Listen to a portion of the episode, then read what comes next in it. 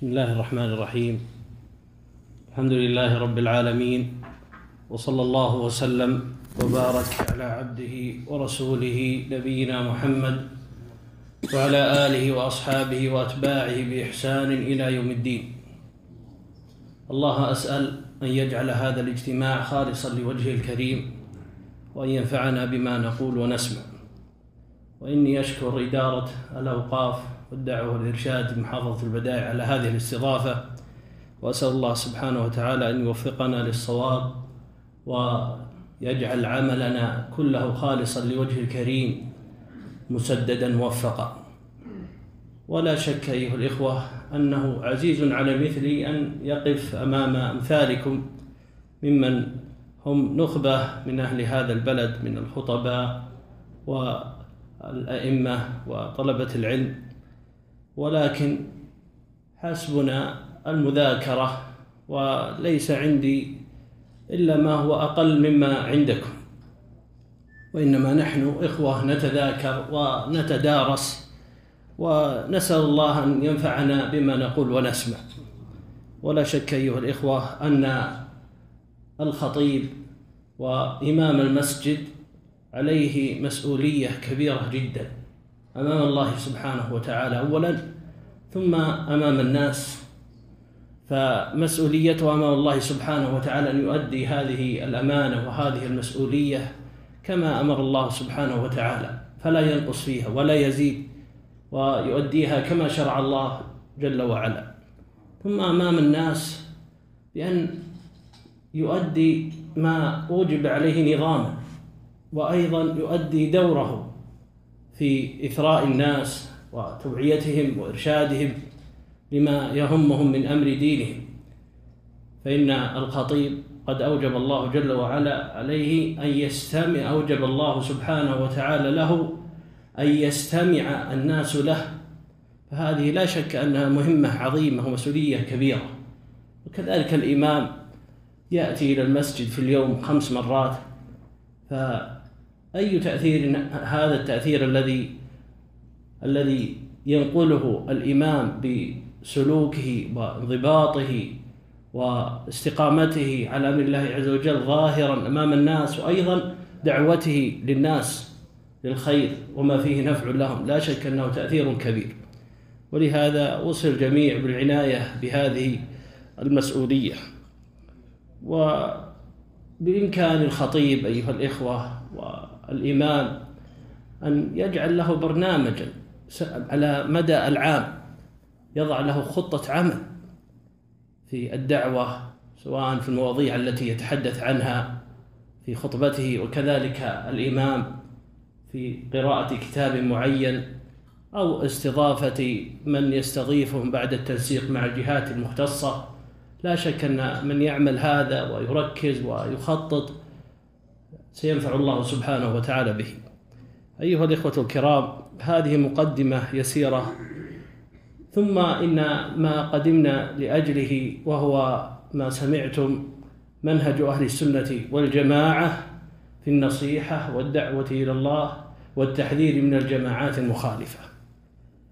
فالعناية بمنهج أهل السنة والجماعة يهم كل مسلم لأن لزوم السنة فيه النجاة والإعراض عن عن السنة ومنهاجها وما عليه السلف الصالح هو مظنة الهلكة.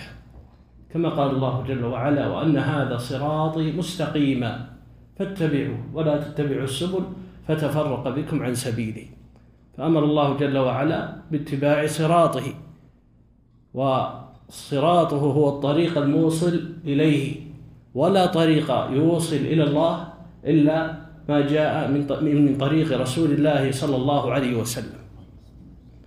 والسنة أيها الإخوة هي النهج والطريقة ويراد بها في حديثنا هذا عموم ما كان عليه رسول الله صلى الله عليه وسلم من الهدي والاعتقاد والعمل.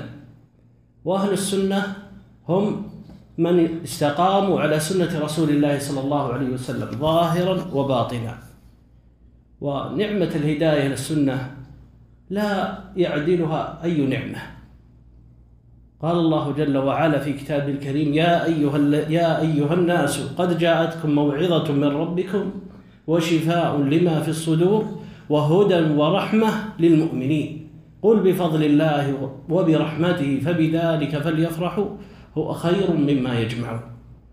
وقال الله جل وعلا واذكروا نعمة الله عليكم وما أنزل عليكم من وما أنزل عليكم من الكتاب والحكمة يعظكم به. وقال الله جل جلاله لقد من الله على المؤمنين إذ بعث فيهم رسولا من أنفسهم يتلو عليهم آياته ويزكيهم ويعلمهم الكتاب والحكمة وإن كانوا من قبل لفي ضلال مبين. وقال الله جل جلاله هو الذي بعث في الأميين رسولا منهم يتلو عليهم آياته ويزكيهم ويعلمهم الكتاب والحكمة وإن كانوا من قبل لفي ضلال مبين. هذه الآية وغيرها من الآيات دليل على عظم نعمة الهداية للسنة. فالإنسان المسلم صاحب السنة يحمد الله سبحانه وتعالى أن جعله على على هذا على هذا الصراط المستقيم. فكم من الناس من سلب هذه النعمة؟ من هو رافضي منهم من هو صوفي منهم من هو على مذهب الأشاعر والمعتزل وغير ذلك. وأنت أيها الفاضل قد ولدت على السنة ونشأت على السنة وعملت بالسنة وأنت على اعتقاد أهل السنة فهذه نعمة عظيمة. يجب على الإنسان أن يستحضر هذه النعمة. ثم يكون له يكون له عمل ظاهر وجهد حثيث في تثبيت نفسه على السنة والجماعة ودعوة غيرها غيره إلى الاستقامة عليها.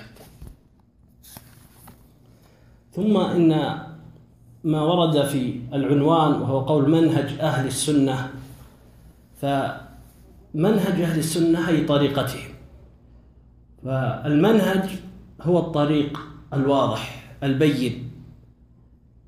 وورد اللفظ المنهاج في القرآن وذلك بقول الله جل وعلا لكل جعلنا منكم شرعة ومنهاجا. وفي البخاري عن ابن عباس رضي الله عنهما معلقا قال شرعة ومنهاجا أي سبيلا وسنة. والمقصود بالمنهاج هنا مجموعة القواعد والأصول الصحيحة التي تنضبط بها عقيدة المسلم وسلوكه. ومنهج أهل السنة في النصيحة أي طريقتهم فيها. فإن النصيحة من الدين بل إن رسول الله صلى الله عليه وسلم قال كما في الحديث الذي رواه البخاري ومسلم من حديث أبي رقية الدين النصيحة. الدين النصيحة الدين النصيحة. قلنا لمن يا رسول الله؟ قال لله ولرسوله ولكتابه ولأئمة المسلمين وعامتهم فالدين النصيحة. وعلى, وعلى ذلك فإن لهذه النصيحة منهاجا عني بها أهل السنة والجماعة. فمن أعظم ما استقام عليه أهل السنة والجماعة في لزومهم منهاج النصيحة أصول منها الإخلاص لله جل وعلا.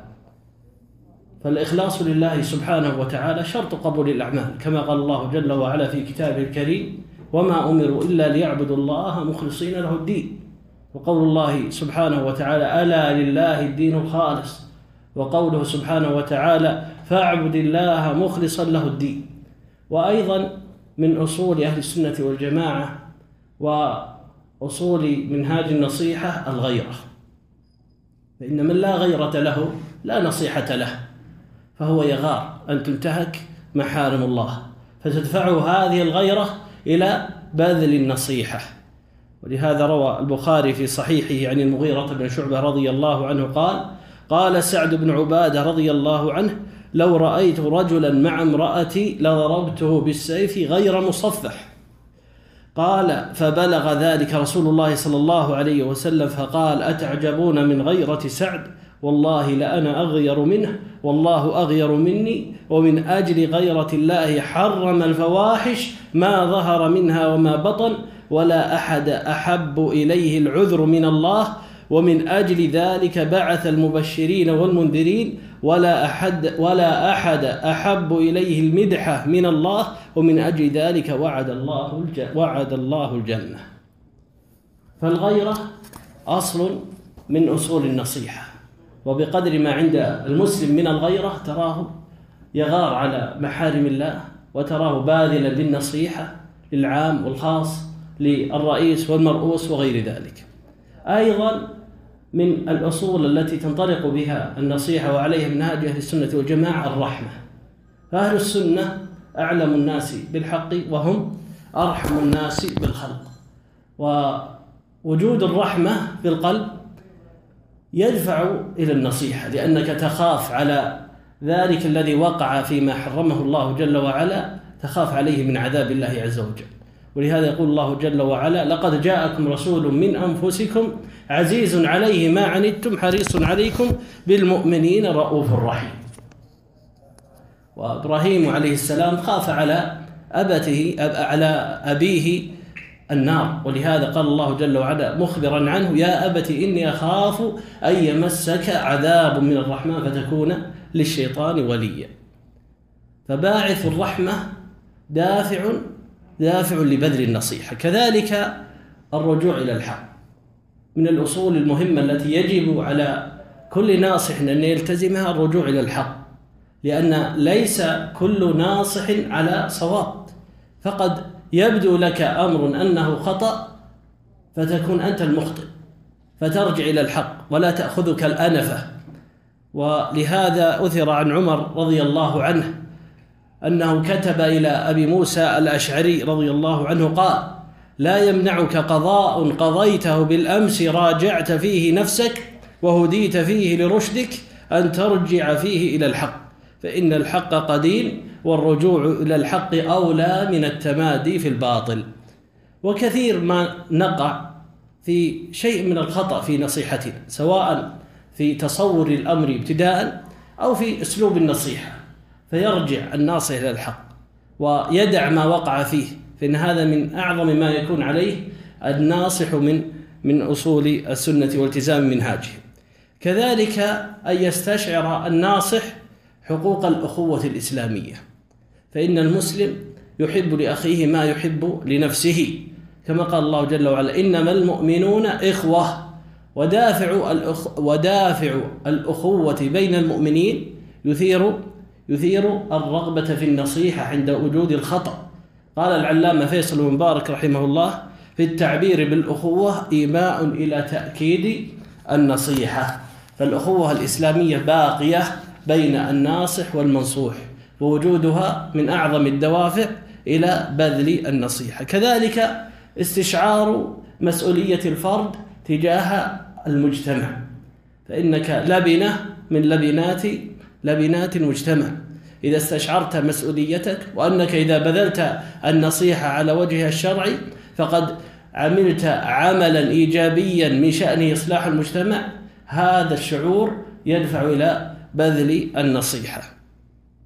وفي البخاري أيضا من حديث النعمان بن بشير رضي الله عنه أن رسول الله صلى الله عليه وسلم قال مثل القائم على حدود الله والواقع فيها كمثل قوم استهموا على سفينة فأصاب بعضهم, بعضهم أعلاها وبعضهم أسفلها فكان الذين في أسفلها إذا استقوا من الماء مروا على من فوقهم فقالوا لو أنا خرقنا خرقا في نصيبنا ولم نؤذي من فوقنا فإن يتركوهم وما أرادوا هلكوا جميعا وإن أخذوا على أيديهم نجوا جميعا. فاستشعار هؤلاء للمسؤولية ومسؤولية الفرد تجاه المجتمع يدفعه إلى حماية مجتمع من أن من أن تنتشر فيه المنكرات وأن تنتهك فيه حدود الله فيدفعه ذلك إلى بذل النصيحة. كذلك من الأصول المهمة التي عليها السنة والجماعة في مراعاتهم لباب النصيحة عدم الاغترار بالكثرة. فإن الكثرة ليست ميزانا للحق كما أن القلة ليست ميزانا للحق. وإن كان غالبا أن الكثرة دليل على على الباطل والقلة دليل على الحق إلا أن ذلك ليس ميزانا بإطلاقه فإن الميزان هو ما دل عليه كتاب الله جل وعلا وسنة رسول الله صلى الله عليه وسلم. فالناصح إذا رأى ما عليه كثير من الناس من الوقوع في الباطل فإن هذا قد يثبطه عن بذل النصيحة. فإذا علم أن الكثرة قد تكون على الباطل كان ذلك دافعا له لمعرفة الحق وبذل النصيحة. ثم أيضا من الأصول المهمة التي اهتم بها أهل السنة والجماعة في باب النصيحة مراعاة خصوصية منهج أهل السنة والجماعة في نصح السلطان والتفريق بين ذلك وبين عامة الناس. فإن أهل السنة والجماعة لديهم قواعد يراعونها عند نصيحة أولي الأمر. فمن ذلك التفريق بين الإنكار على ولي الأمر والإنكار على عامة الناس. والأصل في النصيحة والإنكار أن يكون بين الناصح والمنصوح. وإذا كان منكره معلنا يغتر به الغير أنكر علانية ولو بغير حضوره. هذا إذا كان من عامة المسلمين. أما السلطان فإن النصيحة في حقه باقية على أصلها بينه وبين الناصح أو علانية ولكن قيد ذلك أهل السنة والجماعة بأن يكون بحضور السلطان لا في غيبته. فالقاعدة أيها الإخوة في باب النصح والإنكار أن المنكر إذا كان معلنا وخشي أن يغتر به المسلمون فالأصل إنكاره علانية تحذيرا للناس من الاغترار بذلك. وهذا الإنكار له حالان. الحال الأولى أن تكون المصلحة المترتبة على الإنكار أن يكون بالوصف دون تعيين صاحب المنكر. وهذا كما فعل رسول الله صلى الله عليه وسلم في أحايين كثيرة بأن يقوم فينكر أمرا فيقول ما بال أقوام. والحال الثانية أن يكون المنك أن تكون المصلحة الشرعية المترتبة أن يكون الإنكار علانية مع الإنكار على على الشخص ذاته بذكر اسمه. فإنه في هذه الحال قد يسوغ ذلك إذا كانت المصلحة المترتبة على ذلك أعظم لما في ذلك من ردع صاحب المنكر دل على هذا فعل رسول الله صلى الله عليه وسلم. وذلك أن أبا الجهم ومعاوية خطب خطب فاطمة بنت قيس رضي الله عنها فسألت رسول الله صلى الله عليه وسلم فقال أما معاوية فصعلوك لا مال له وأما أبو الجهم فلا يضع العصا عن عن عاتقه. فخرج على ذلك أهل العلم أن المجاهر بالمنكر والمعلن أيضا للبدعة والانحراف إذا لزم الأمر التصريح باسمه كان ذلك سائغا. ولذلك أثر عن بعض السلف منهم الحسن البصري رحمه الله تعالى أنه يقول ليس لصاحب بدعة ولا لفاسق يعلن بفسقه غيبة. وقال شيخ الإسلام ابن تيمية رحمه الله الداعي إلى البدع مستحق للعقوبة باتفاق المسلمين وعقوبته تكون تارة بالقتل. وتارة بما دونه ولو قدر أنه لا يستحق العقوبة أو لا يمكن عقوبته فلا بد من بيان بدعته والتحذير منها فإن هذا من جملة الأمر بالمعروف والنهي عن المنكر الذي أمرنا الله جل وعلا به. ثم إن السلطان أيضا داخل في ذلك إلا ما ذكرنا من قيد أهل السنة والجماعة أنه لا بد إذا كان الإنكار علانية أن يكون بحضور السلطان. والأصل أيها الإخوة في ذلك أن يكون الإنكار بين المنكر وولي الأمر سرا. هذا هو الأصل. ثم إذا لزم الأمر وكان في الإعلان مصلحة مترتبة على ذلك ساغ ذلك بحضور السلطان لا في غيبته. وعليه يكون الإنكار على ولي الأمر له أحوال ثلاثة. الحال الأولى أن يكون بالسر فيما بين بين الناصح وولي الأمر. الحال الثانية أن يكون علانية بحضور ولي الأمر. الحال الثالث أن يكون علانية بغير حضوره. فأما الحال الأولى والحال الثانية فهي التي دلت النصوص عليها. فمتى ما كانت المصلحة في أحدهما فعلت؟ متى ما كانت المصلحة في أحدهما فعلت؟ ولهذا مما ورد في الحالة الأولى ما رواه البخاري ومسلم في صحيحهما من حديث أبي وائل رضي الله عنه قال قيل لأسامة بن سيد رضي الله عنه لو أتيت فلانا فكلمته قال إنكم لا ترون أني لا أكلمه إلا أسمعكم إني أكلمه في السر دون أن أفتح بابا لا أكون أول من فتحه وأيضا روي عن ابن عباس رضي الله عنه أنه سئل عن أمر السلطان بالمعروف ونهي عن المنكر فقال إن كنت فاعلا ولا بد ففيما بينك وبينه. وهذه هي الحالة الأولى. أما الحالة الثانية فمنها ما ورد في صحيح مسلم من حديث أبي سعيد الخدري رضي الله عنه قال أول من بدأ بالخطبة يوم العيد قبل الصلاة مروان. فقام إليه رجل فقال الصلاة قبل الخطبة. فقال قد ترك ما هنالك. فقال أبو سعيد أما هذا فقد قضى ما عليه. سمعت رسول الله صلى الله عليه وسلم يقول من رأى منكم منكرا فليغيره بيده فمن لم يستطع فبلسانه فمن لم يستطع فبقلبه وذلك أضعف الإيمان. فهذا الحديث فيه أن هذا الرجل أنكر على الخليفة مروان بن الحكم علانية ولكن بحضوره. فهذه هذه حالان فهذه حالتان مشروعتان عند ترتب المصلحة على على أحدهما. كانت كانت تلك كانت تلك التي ترتبت المصلحة العليا عليها هي الأولى بالبذل سواء كان بالسر أو بالعلانية أمام السلطان. أما الحالة الثالثة وهي الإنكار على ولي الأمر في غيبته فهي نوعان. أما النوع الأول فأي ذلك بأن ينكر عليه باسمه. فيقال السلطان فعل كذا والدولة فعلت كذا إلى آخره. فقد قرر أهل العلم بناء على ما أثر عن السلف الصالح رضي الله عنهم وأرضاهم أن هذا خلاف ما ورد عنهم خلاف ما ورد عن السلف الصالح. فإن جميع الإنكارات الواردة عن السلف من الصحابة ومن بعدهم كانت أمام السلطان لا خلفه. أما الحالة الثانية وذلك بأن ينكر على السلطان منكره علانية ولكن بغير تعيين اسمه.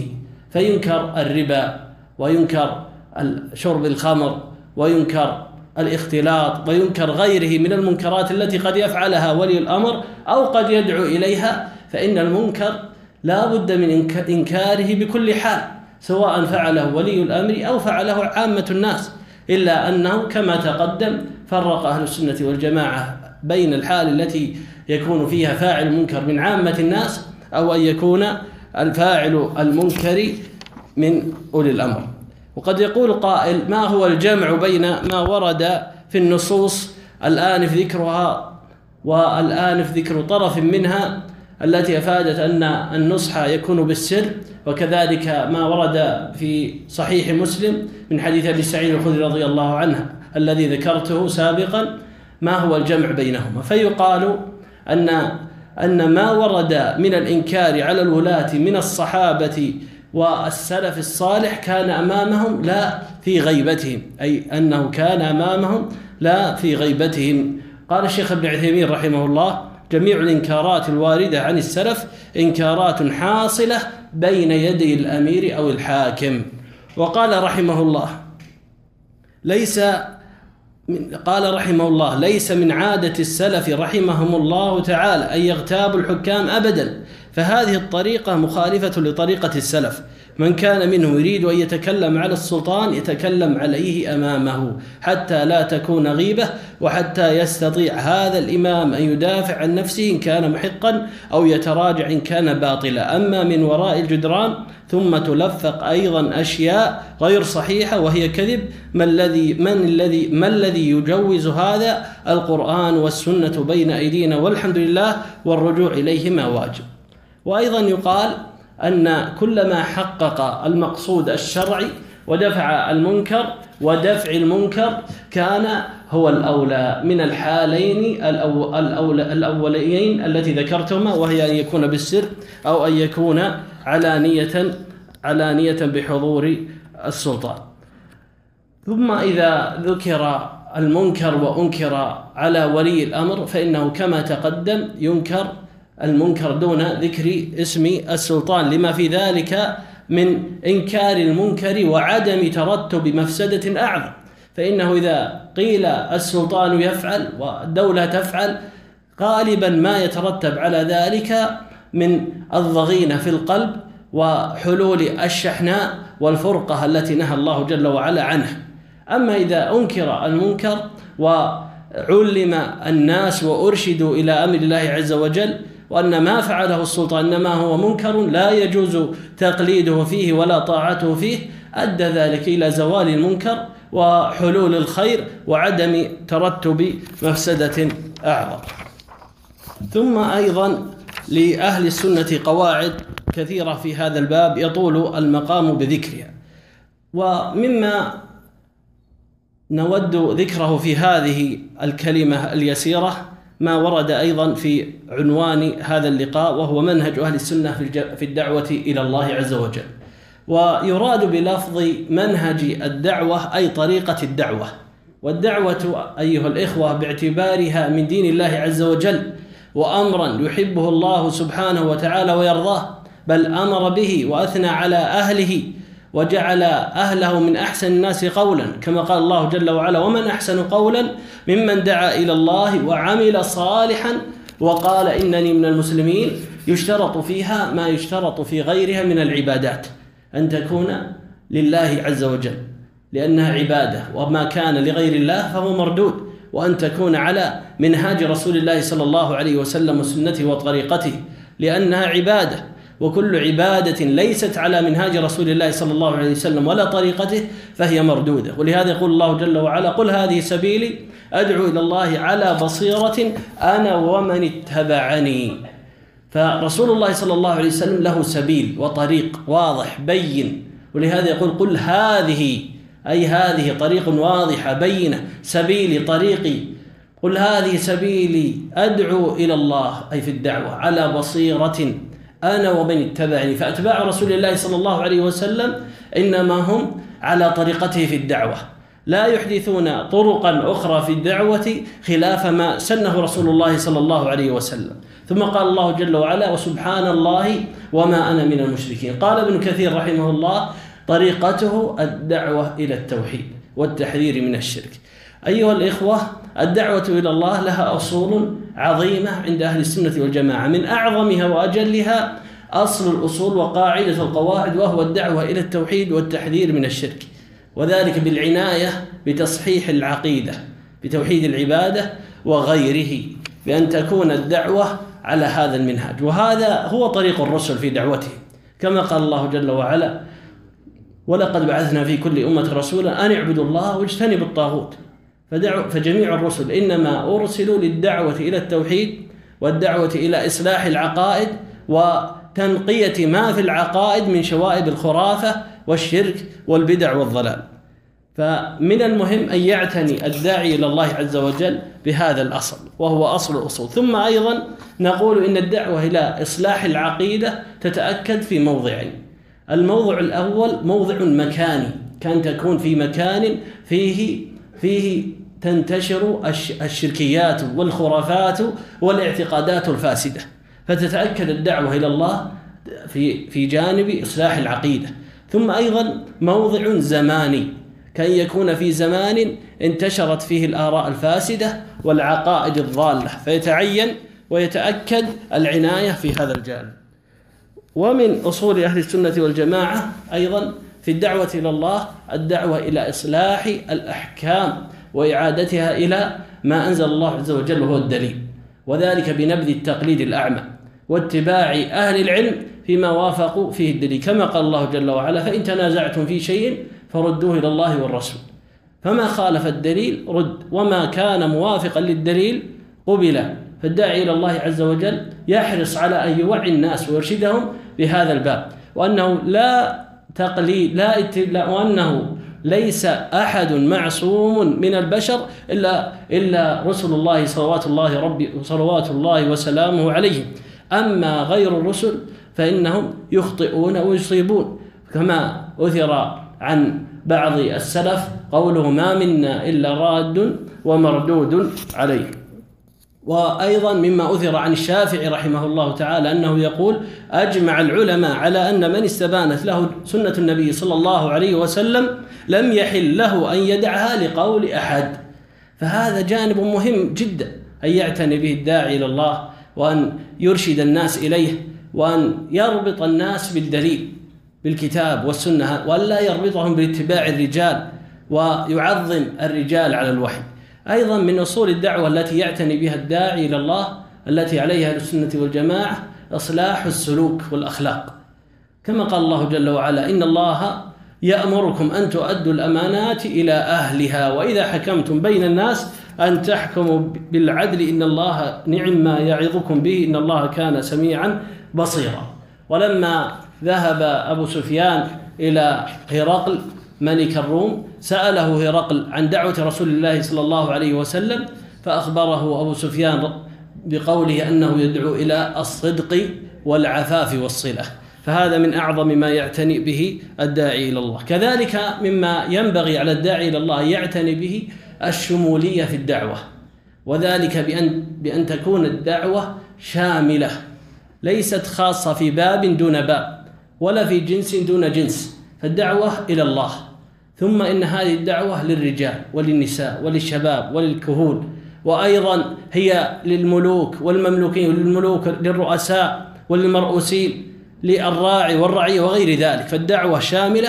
أيضا الدعوة شاملة في باب العقيدة وفي باب الأحكام وأيضا في باب السلوك.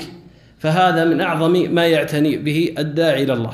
قال الشيخ بن باز رحمه الله في هذه المسألة عليك أن تأخذ الإسلام كله ولا تأخذ جانبا دون جانب ولا تأخذ العقيدة وتدع الأحكام والأعمال ولا تأخذ الأعمال والأحكام وتدع العقيدة بل خذ الإسلام كله خذه عقيدة وعملا وعملا وعبادة وجهادا واجتماعا وسياسة واقتصادا وغير ذلك خذه من كل هذه الوجوه. كما قال الله جل وعلا يا أيها الذين آمنوا ادخلوا في السلم كافة ولا تتبعوا خطوات الشيطان إنه لكم عدو مبين.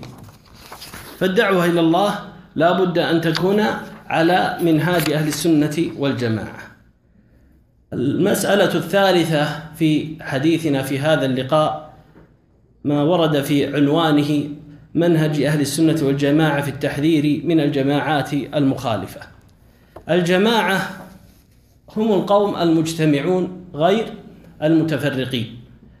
ويطلق لفظ الجماعة في النصوص ويراد به أحد أمرين. الأمر الأول أهل السنة والجماعة وهم أهل الاعتقاد الصحيح.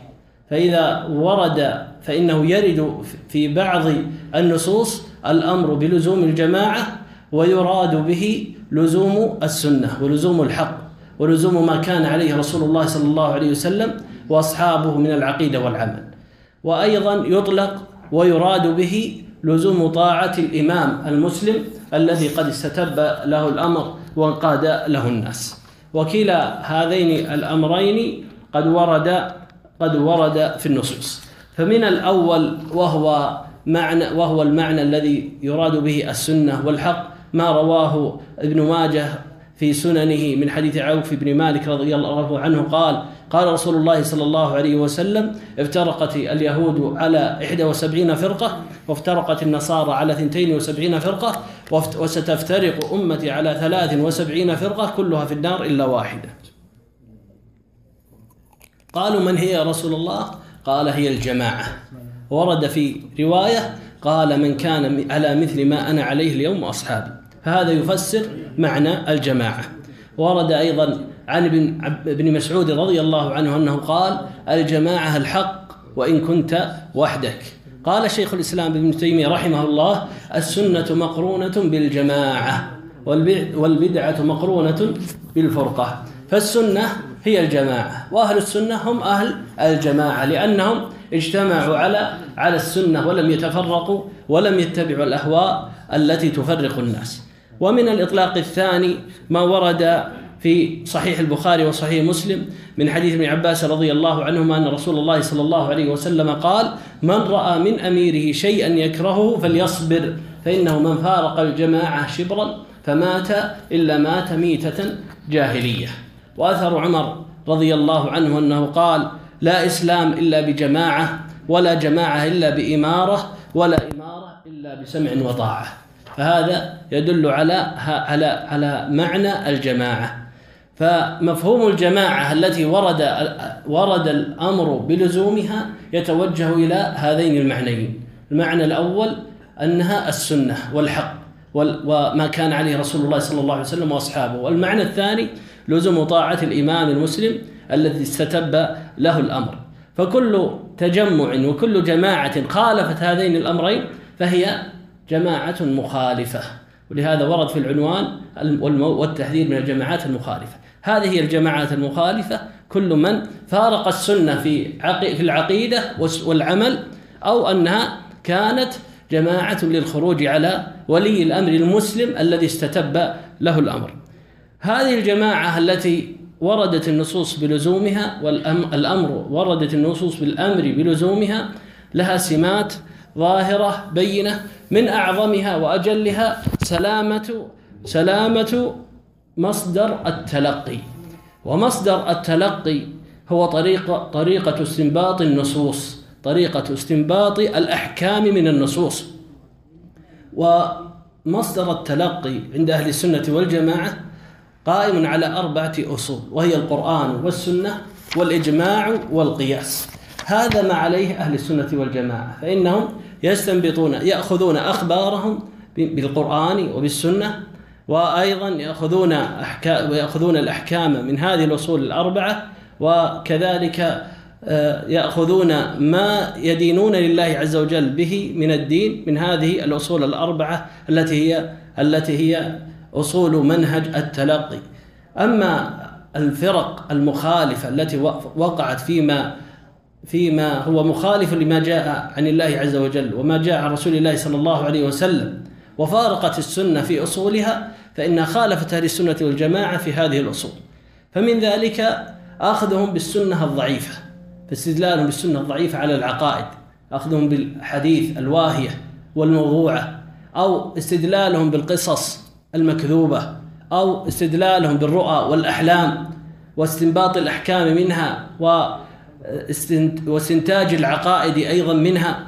كذلك غلوهم في باب الكرامات وجعلهم الكرامة مصدرا للتشريع وغير ذلك من الأمور التي التي كانت سببا في انحرافهم عن هذا المنهج الأصيل وهو سلامة مصدر التلقي. من سمات هذه الجماعة المحمود المحمودة والوارد الأمر بلزومها اعتصامهم بالوحي ولزومهم السنة في كل أمر صغير أو كبير كما قال الله جل وعلا واعتصموا بحبل الله جميعا ولا تفرقوا. أما من خالف ما عليه هذه الجماعة المحمودة فإنهم أعرضوا عن الوحي وأخذوا بالرأي في مقابل الوحي وكما تقدم أخذوا بالأحلام وبالرؤى وبالذوق والكشف وغيره مما مما لا يخفى. أيضا عناية العناية بتحقيق التوحيد. لأنهم هم الجماعة. سموا بالجماعة لأنهم التزموا ما جاء عن رسول الله صلى الله عليه وسلم. ومن أعظم ما جاء به رسول الله صلى الله عليه وسلم تحقيق التوحيد وتنقيته من الشرك. فهم لهم عناية كبيرة في هذا الباب. فبقدر ما بقدر تحقيق أهل هذه الجماعة لسنة رسول الله صلى الله عليه وسلم ترى عنايتهم بتحقيق التوحيد. وتحقيق التوحيد تخليصه وتنقيته من شوائب البدع والإصرار على المعاصي والشرك. قال الله جل وعلا الذين آمنوا ولم يلبسوا إيمانهم بظلم أولئك لهم الآمن وهم مهتدون. فهم أهل الهداية هم أهل الجماعة وهم أهل الهداية لأنهم حققوا التوحيد ونقوه من الشرك ومن شوائب البدع والإصرار على المعاصي. أيضا من سماتها أهل هذه الجماعة ومن مما تتميز به هذه الجماعة أنها تعنى بتحقيق اتباع رسول الله صلى الله عليه وسلم في كل أمر صغير أو كبير. كما قال الله جل وعلا وما آتاكم الرسول فخذوه وما نهاكم عنه فانتهوا. فهم لا يقدمون على على ما جاء عن رسول الله صلى الله عليه وسلم لا يقدمون عليه رأي ولا ذوق ولا كشف ولا غير ذلك. أيضا من سماتها الاجتماع ونبذ الفرقة والاختلاف. فهم مجتمعون على الحق متآلفون متناصحون تعمهم الألفة والمحبة في الله.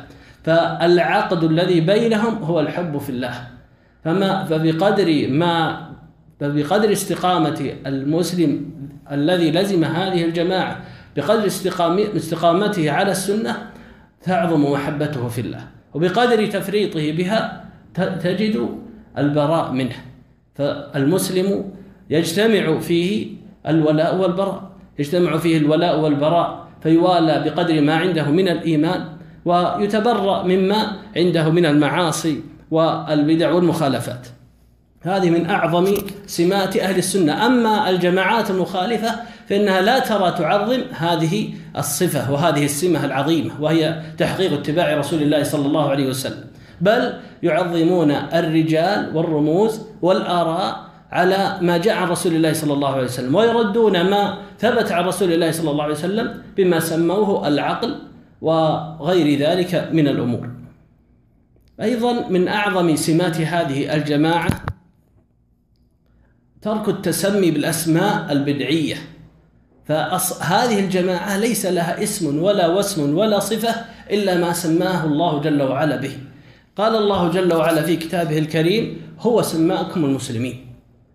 وكل اسم سميت به هذه الجماعة كالإسلام والسنة والأثر والحديث والطائفة المنصورة والفرقة الناجية فإنما يعود إلى الإسلام الصحيح الذي جاء به رسول الله صلى الله عليه وسلم.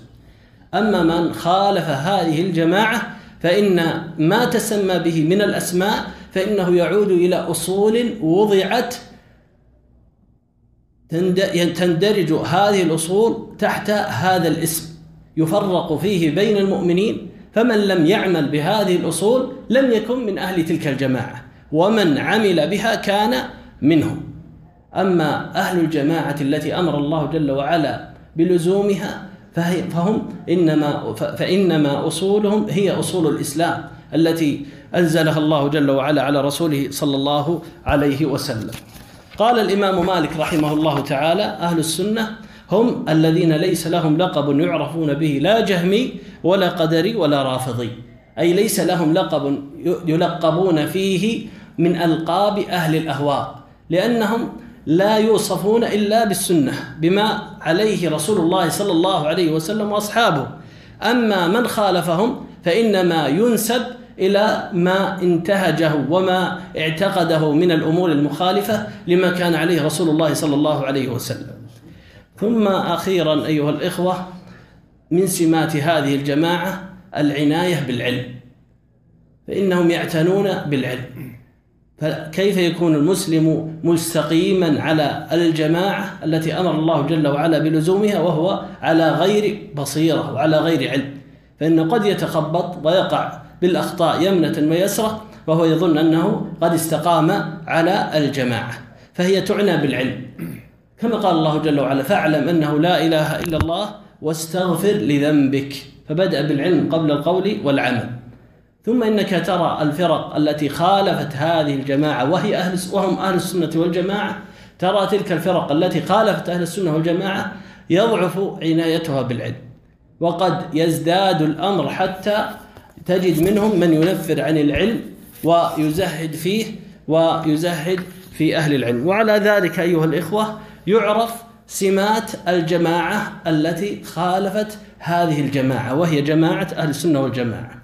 فإن هذه السمات نلخصها في نقاط في نق... نعم في نقاط يسيرة. نقول من سمات الجماعات المخالفة انحرافهم في مصدر التلقي كما تقدم. تركهم الاعتصام بالوحي وأخذهم بالأهواء. تركهم الأخذ بالسنة والتزهيد في الحديث. حتى إنهم سموا أهل الحديث حشوية. يقولون ليس عندهم إلا حشو أي كلام نصوص جافة كما يزعمون. ثم أيضا من سماتهم أخذهم بالبدع وموالاة أهل البدع ومعاداة أهل الحديث. وأيضا من سمات أهل الفرق التي خالفت ما عليه الجماعة جماعة أهل السنة والجماعة من صفاتهم ضعف عنايتهم بالعقيدة كما تقدم وأيضا تركهم الاجتماع وأخذهم بالفرقة وخروجهم على ولاة الأمر والتسبب في ذلك وأيضا تركهم العلم وتعليمه والعناية به وتزهيدهم في ذلك وتسميتهم بغير اسم الإسلام والسنة فهم يتسمون بغير ما سمى الله جل وعلا به أهل الإيمان. ثم أيها الإخوة إذا علم إذا علمت سمات هذه الجماعة الجماعات إذا علمت سمات الجماعة التي أمر الله جل وعلا بلزومها وعلمت سمات الجماعات المخالفة وقولنا الجماعات أي الفرق التي خالفت أهل السنة والجماعة فإنه يعلم الموقف منها. فإن الإنسان المسلم يحب في الله ويبغض في الله. ويوالي في الله ويعادي في الله كما ورد في الحديث عن رسول الله صلى الله عليه وسلم أنه قال أوثق عرى الإيمان الحب في الله والبغض في الله. فيلزم المسلم أهل السنة وهم أهل الجماعة فيحبهم في الله ويواليهم ويذب عنهم. وأيضا يجتنب أهل الفرق التي خالفت ما عليه رسول الله صلى الله عليه وسلم في العقيدة فلا يكون معهم. ولا ينصرهم إلا بما هو واجب عليه كظلم على أحد أفراد على أحد المخالفين أو غيره. فإن الله جل وعلا أمر بالعدل وإن كان مع المخالف. ثم أيها الإخوة الكرام يجتنب هؤلاء ويحذر من سبيلهم. فإنه لا تتم لا يتم الاجتناب إلا بالتحذير منها. فيحذر إخوانه فإنه يحب ينصح لهم كما تقدم. ينصح لهم بأن يجتنبوا. سبيل الفرقة وأهل الفرقة والذين أحدثوا في دين الله عز وجل ما ليس منه وأحدثوا البدع يحذر من طريقهم ومن سبيلهم قال الشيخ ابن باز رحمه الله الواجب على علماء المسلمين توضيح الحقيقة ومناقشة كل جماعة أو جمعية ونصح الجميع لأن يسيروا في الخط الذي رسمه الله لعباده ودعا إليه نبيه صلى الله عليه وسلم. ومن تجاوز هذا أو استمر في عناده لمصالح شخصية أو لمقاصد لا يعلمها إلا الله فإن الواجب التشهير به والتحذير منه ممن عرف الحقيقة حتى يتجنب الناس طريقهم وحتى لا يدخل معهم من لا يعرف حقيقتهم فيضل وينصرف عن الصراط المستقيم الذي آمرنا الله باتباعه.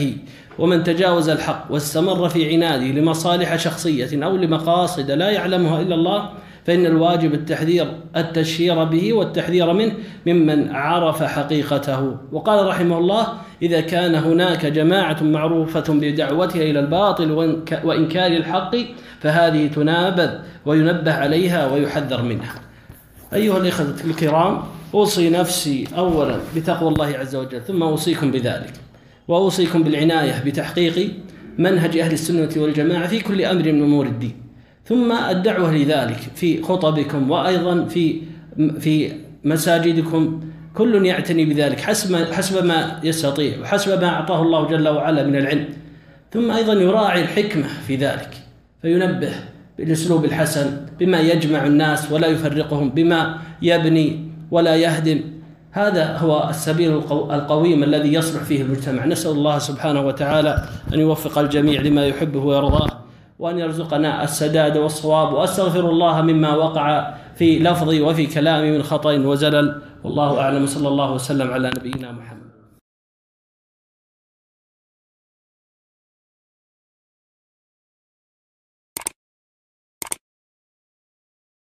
بسم الله الرحمن الرحيم.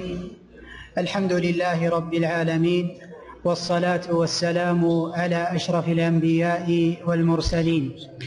سعادة رئيس مركز التنمية بمحافظة عفيف الأستاذ ضيف الله بن شجعان النفيعي سعادة المشرف على الجمعيات الخيرية بمركز التنمية بمحافظة عفيف الأستاذ عبد الله بن فيصل أبو ثنتين أصحاب السعادة رؤساء المراكز أصحاب الفضيلة.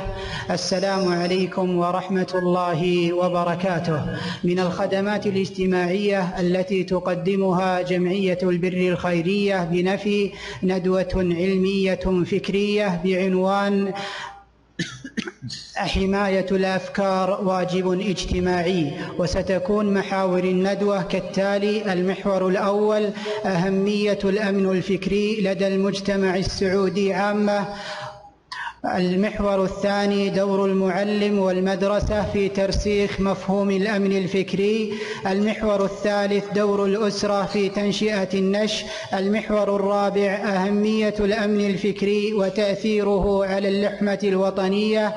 المحور الخامس دور المواطن في تعزيز الأمن الفكري وذلك بالتعاون مع أعضاء لجان المناصحة التابعة لمركز الأمير محمد بن نايف الشريف حفظه الله للمناصحة والرعاية. وسيكون المحاورين لهذه الندوة المحاور الأول فضيلة الشيخ الأستاذ بندر بن نافع العبدلي عضو هيئة التدريس وعضو لجنة المناصحة بمنطقة القصيم. وفضيلة الشيخ صالح بن محمد السويح رئيس كتابة العدل بمحافظة البدائع وعضو لجنة المناصحة بمنطقة القصيم. ونبدأ هذه المحاور مع صاحب الفضيلة الأستاذ الدكتور بندر بن نافع العبدلي وهو أهمية الأمن الفكري لدى المجتمع المسلم عامة والسعودي خاصة. فليتفضل. بسم الله الرحمن الرحيم. إن الحمد لله نحمده ونستعينه ونستغفره ونعوذ بالله من شرور أنفسنا ومن سيئات أعمالنا. من يهده الله فلا مضل له ومن يضلل فلا هادي له. وأشهد أن لا إله إلا الله وحده لا شريك له وأشهد أن محمدا عبده ورسوله صلى الله عليه وعلى آله وأصحابه وسلم تسليما كثيرا. أما بعد أيها الإخوة فإننا في هذا اليوم نجتمع لنتدارس هذا الموضوع المهم والذي نظمته جمعية البر بالتعاون مع مركز الأمين محمد بن نايف للرعاية والمناصحة. وإننا إذ نشكر الله سبحانه بحمده على هذا اللقاء ونشكر الإخوة الذين أقاموا هذه الندوة. جزيل الشكر بعد شكر الله سبحانه وبحمده على هذا التنظيم وعلى هذا الإعداد والإمداد. فلهم الشكر بعد شكر الله سبحانه ونسأل الله سبحانه أن ينفع بما بهذه الجهود وأن ينفع بما سنقول إنه جواد كريم بر رحيم. معاشر الإخوة الأمن الفكري الأمن عموما مطلب ضروري وهو غاية يتمناها كل مسلم. والأمن امتن الله سبحانه وبحمده به على هذه البلاد. فليعبدوا رب هذا البيت الذي أطعمهم من جوع وآمنهم من خوف. أولم يروا أنا جعلنا حرما آمنا ويتخطف الناس من حولهم.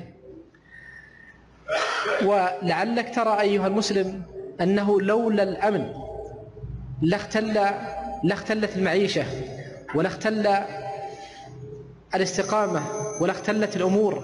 لكن بالأمن تستقيم الأمور ويستطيع الإنسان أن يعبد الله سبحانه وهو منشرح البال مطمئن الصدر يأمن على نفسه. وعلى أولاده وعلى أهل بيته وعلى أسرته. فالأمن مطلب ضروري جدا وقد امتن الله سبحانه وبحمده به على هذه البلاد. لكن ليعلم أن الأمن ينقسم إلى قسمين أمن حسي وأمن فكري. الأمن الحسي هو الذي يشمل جميع الأمور يشمل جميع الأمور في المساكن وفي في في في المطاعم في في البيوت وفي جميع الأمور الحسية. لكن حديثنا في هذه الندوة إنما هو على الأمن الفكري التي الذي يتعلق بالأفكار ويتعلق بالمعتقدات ولهذا عرف بعضهم الأمن الفكري بأنه الاعتصام بالوحي والاحتكام إليه ورد التنازع إليه فإن من أعظم أسباب الفلاح والهداية في الدنيا والآخرة أن يجعل الإنسان أمره كله لله وأن يعتصم بالله وأن يتوكل عليه وأن يلجأ في جميع أموره إليه. وإذا مسكم الضر فإليه تجارون. وأهمية هذا الأمن عن الأمن الفكري تكمن في الاستقرار والطمأنينة والعيش الهنيء الرغد إضافة إلى حماية الأفكار وحماية المعتقدات وسلامتها من كل ما يشوبها.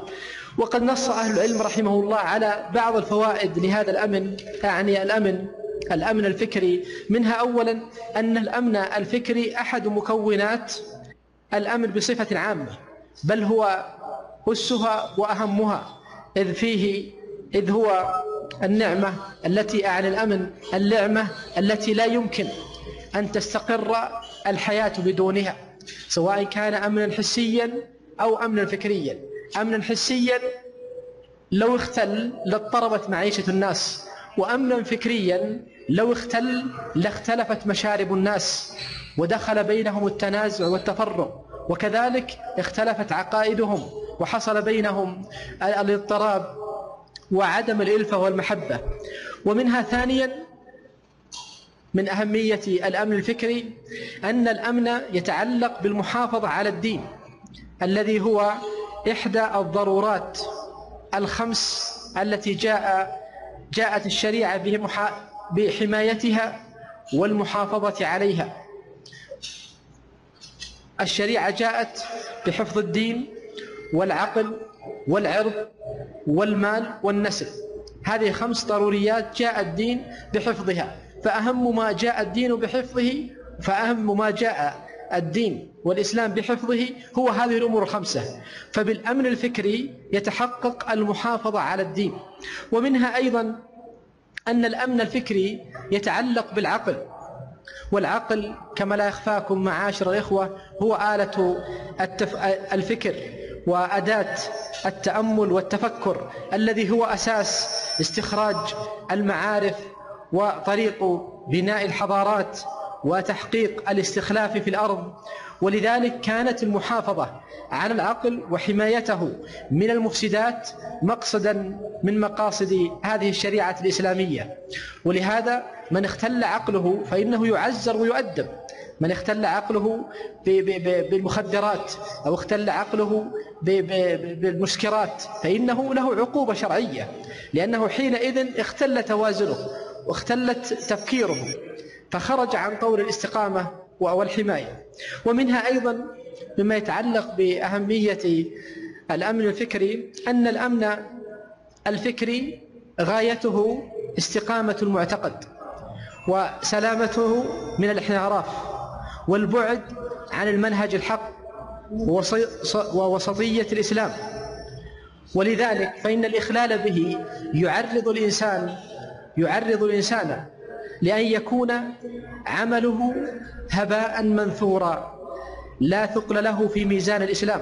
كما قال الله جل جلاله وقدمنا إلى ما عملوا من عمل فجعلناه هباء منثورا. فأنت ترى إذا اختل فكرك واختل معتقدك اختل عملك الصالح لأن العقيدة هي الأساس. العقيدة هي الأساس ولهذا لا يدخل الإنسان في الإسلام والدين حتى يشهد أن لا إله إلا الله وأن محمد رسول الله. يعني لا معبود حق لا معبود حق إلا الله. إذا كان معتقدك صحيح صار ما بعده من الأعمال الصالحة تابع لهذا المعتقد الصحيح. إذا اختل هذا المعتقد الصحيح فسد عملك. ولهذا أنت ترى أن الطوائف المبتدعة والفرق المنحرفة عملهم ليس بذاك. بمعنى عملهم ليس بصواب. عملهم ضال. لماذا؟ لأن بناءه لأن بناءه بناء أساس أعمالهم على معتقد باطل. ولهذا قال الله عز وجل وقدمنا إلى ما عملوا من عمل فجعلناه هباء منثورا. فاسأل ربك أيها المسلم الذي من عليك بالاستقامة ومن عليك بسلوك هذا الطريق المستقيم أن يمن عليك بالثبات عليه حتى تلقاه. ومنها خامسا وأخيرا أن الإخلال بالأمن الفكري يؤدي إلى تفرق الأمة شيعا وأحزابا وفرقا تتناحر قلوب أبنائها ويجعل ويجعل ويكون حينئذ بأسهم بينهم فتذهب ريح الأمة ويتشتت شملها وتختلف كلمتها. كما قال الله عز وجل فلا تنازعوا ولا تنازعوا فتفشلوا وتذهب ريحكم. إذا اختل الأمن الفكري حصل التنازع والاختلاف والتفرق وهذا خلاف مقاصد الشرع. مقاصد الشرع هو أن تجتمع القلوب وأن تأتلف وأن يحصل بينها المودة والمحبة لا أن تتفرق وتتنازع. والله موفق. شكر الله لكم صاحب الفضيلة. أما الآن نلتقي مع الشيخ صالح السويح وفي ذات المحور وله سبع دقائق. إن الحمد لله نحمده ونستعينه ونستغفره ونتوب إليه. ونعوذ بالله من شرور أنفسنا ومن سيئات أعمالنا. من يهده الله فلا مضل له ومن يضلل فلا هادي له وأشهد أن لا إله إلا الله وحده لا شريك له وأشهد أن محمدا عبده ورسوله صلى الله عليه وسلم وعلى آله وأصحابه وأتباعه بإحسان إلى يوم الدين. أما بعد فأسأل الله جل وعلا أن يجعل هذا الاجتماع خالصا لوجهه الكريم وأن ينفعنا بما نقول ونسمع. الأمن ضد الخوف. وهو قرين الطمأنينة والسكينة. ولهذا يطلق الأمن على إطلاقات.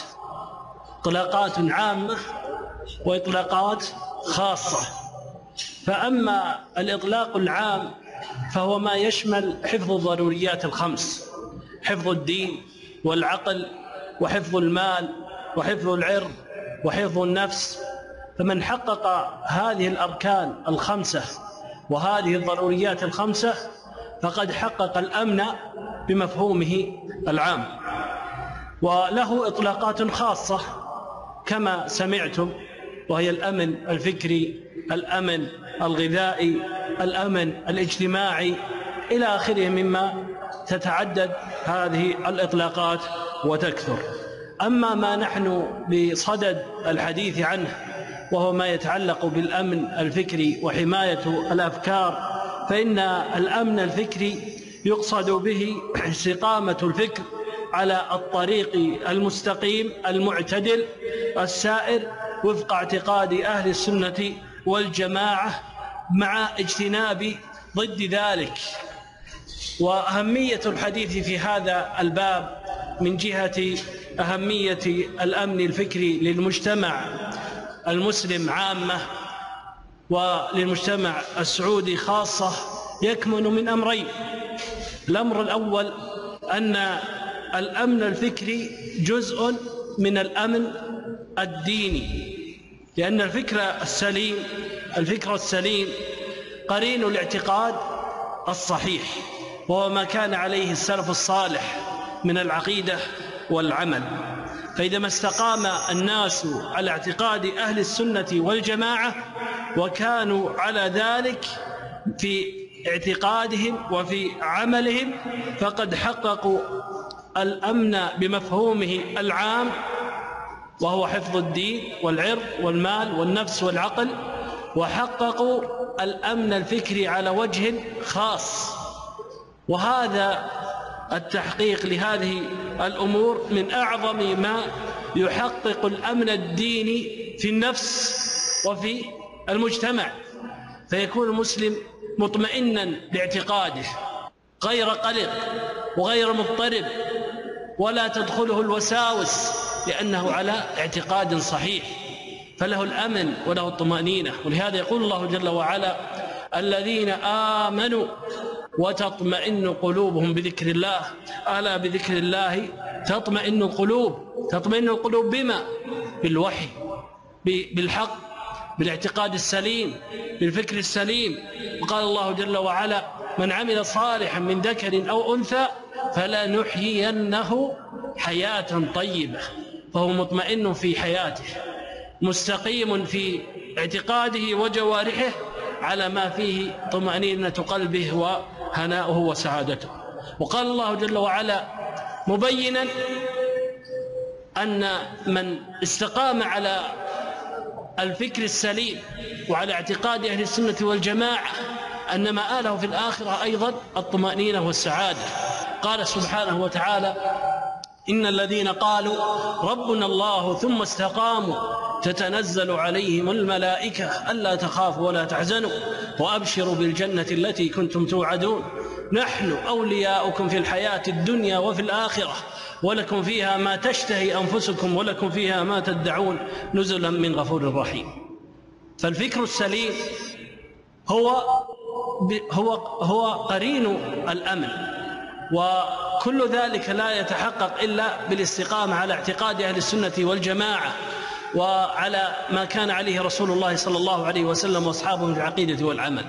هذا هو سبب الطمأنينة في الدين والأمن في الاعتقاد. أيضا الأمن الفكري سبب أو جزء من الأمن المجتمعي بوجه عام. فالفكر السليم المنطلق من طريقة أهل السنة والجماعة واعتقادهم يثمر الأمن المجتمعي أمن المجتمع لأن أهل الاعتقاد السليم والعمل الصحيح لا يثمر اعتقادهم إلا إلا خيرا. ولهذا يقول رسول الله صلى الله عليه وسلم فيما ثبت عنه المسلم من سلم المسلمون من لسانه ويده.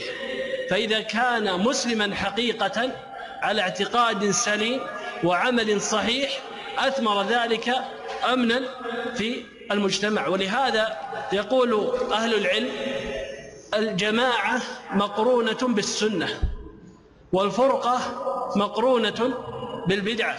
فإذا لزم الناس السنة وهي الاعتقاد الصحيح والعمل الصحيح كان هذا يثمر الاجتماع. واتحاد الكلمة ووحدة الصف.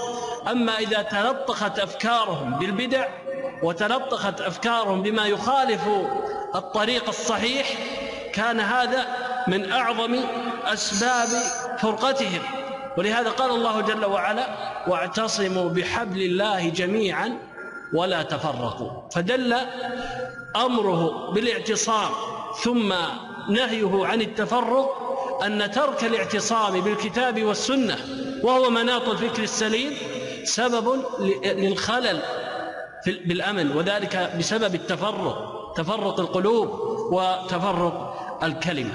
فهذان الأمران وهما الأمن الديني والأمن المجتمعي ركنا الجماعة.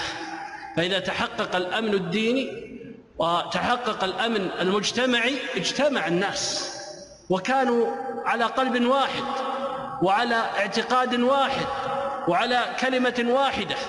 ولهذا فإن من المعلوم أن النصوص أمرت بلزوم الجماعة وحذرت من الاختلاف والتفرق ومفارقتها.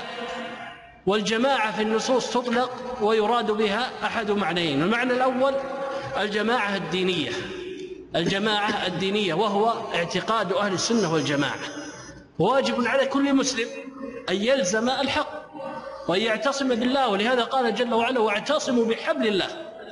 وهو الاجتماع الديني وأما الجماعة بمعنى بالمعنى الثاني وهو طاعة ولي الأمر في غير معصية الله. لأن الجماعة لا تتحقق إلا بهذا ولهذا أثر عن عمر رضي الله عنه أنه قال قال لا دين إلا بجماعة ولا جماعة إلا بإمامة ولا إمامة إلا بسمع وطاعة. فلا يتحقق الدين إلا باجتماع الناس على كلمة واحدة ومؤتلفين غير متفرقين ولا يكون هذا الاجتماع إلا بالإمام تحت إمام يسمع له ويطاع وإلا فلا إمام. ولهذا قال ولا إمامة إلا بسمع وطاعة ولهذا قال عليه الصلاة والسلام في الحديث الذي رواه ابن ماجه في سننه من حديث عوف بن مالك رضي الله عنه أنه قال قال عليه الصلاة والسلام افترقت اليهود على إحدى وسبعين فرقة على إحدى وسبعين فرقة وافترقت النصارى على ثنتين وسبعين فرقة وستفترق أمتي على ثلاث وسبعين فرقة كلها في النار إلا واحد. قالوا من هي يا رسول الله؟ قال من كان على مثل ما أنا عليه اليوم أصحابي. وفي رواية قال هي الجماعة فاعتصموا بها فاعتصموا بها.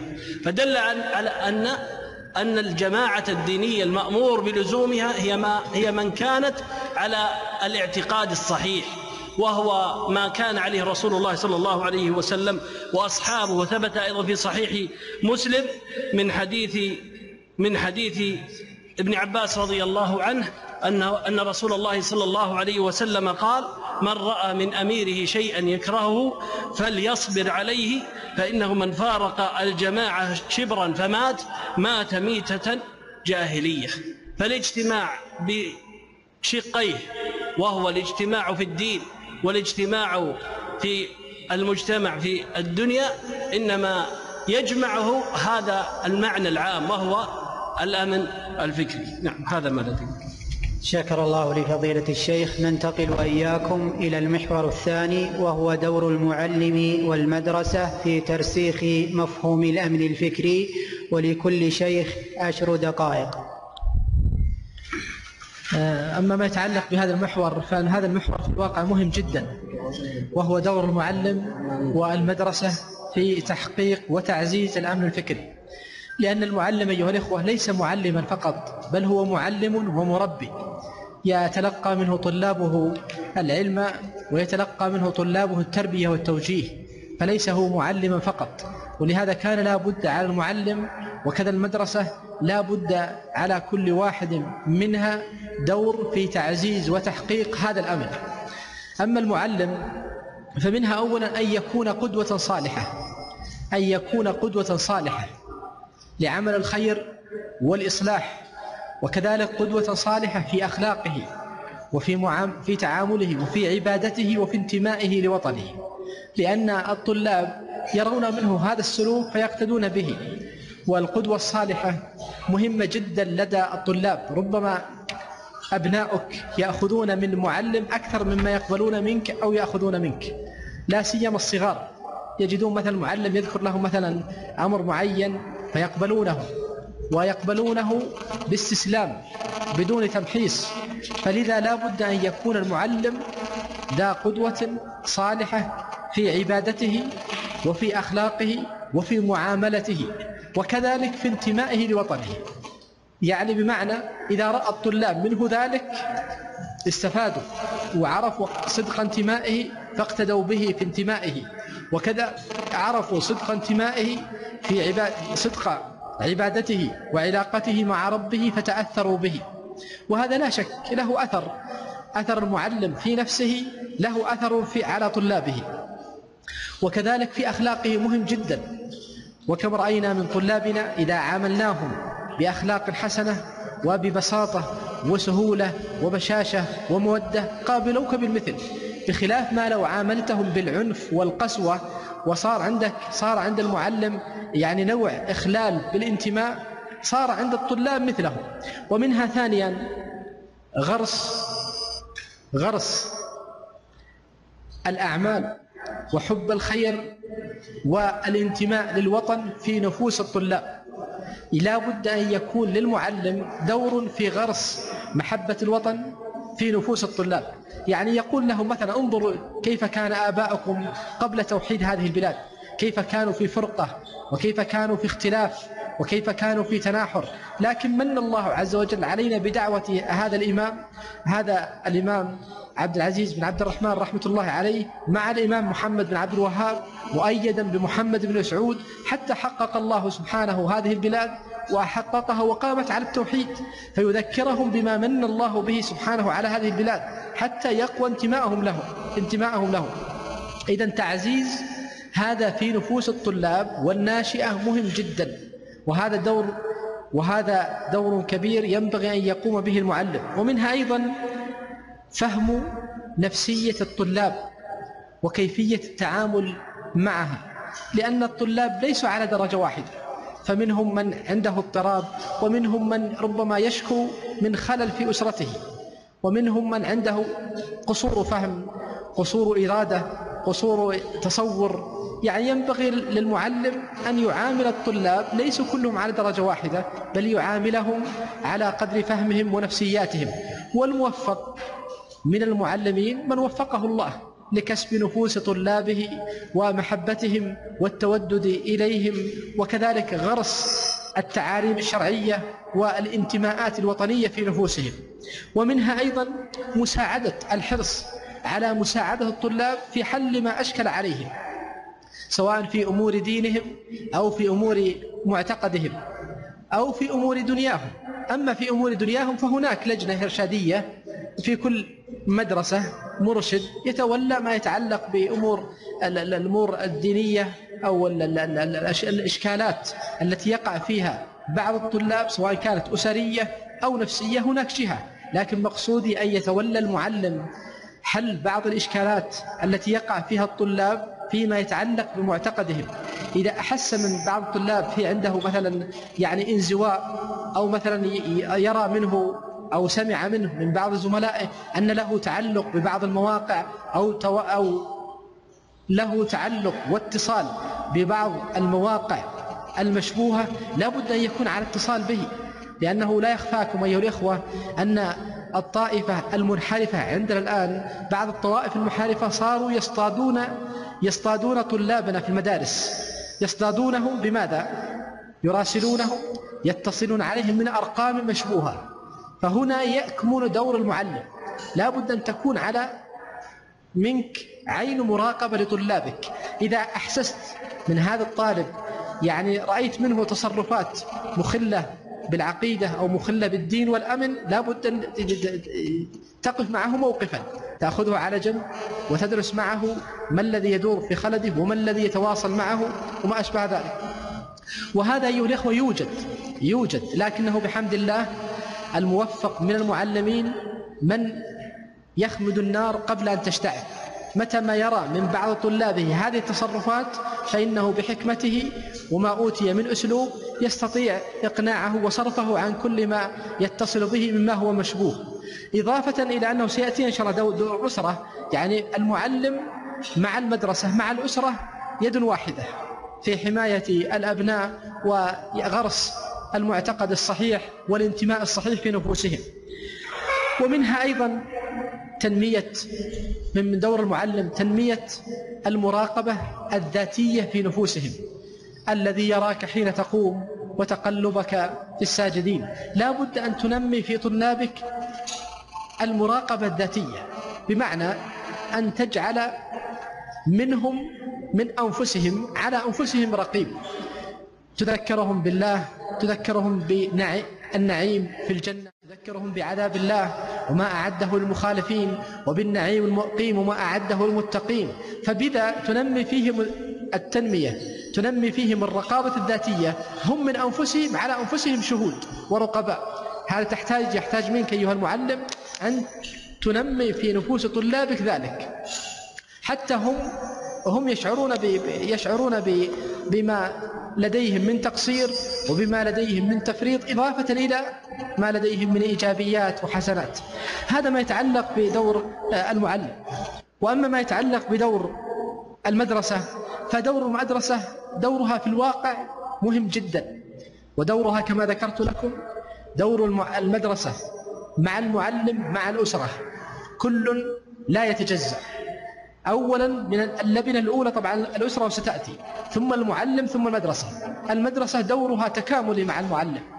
بمعنى الأمور التي ذكرتها في المعلم تساندها المدرسة وتعززها المدرسة مع المعلم.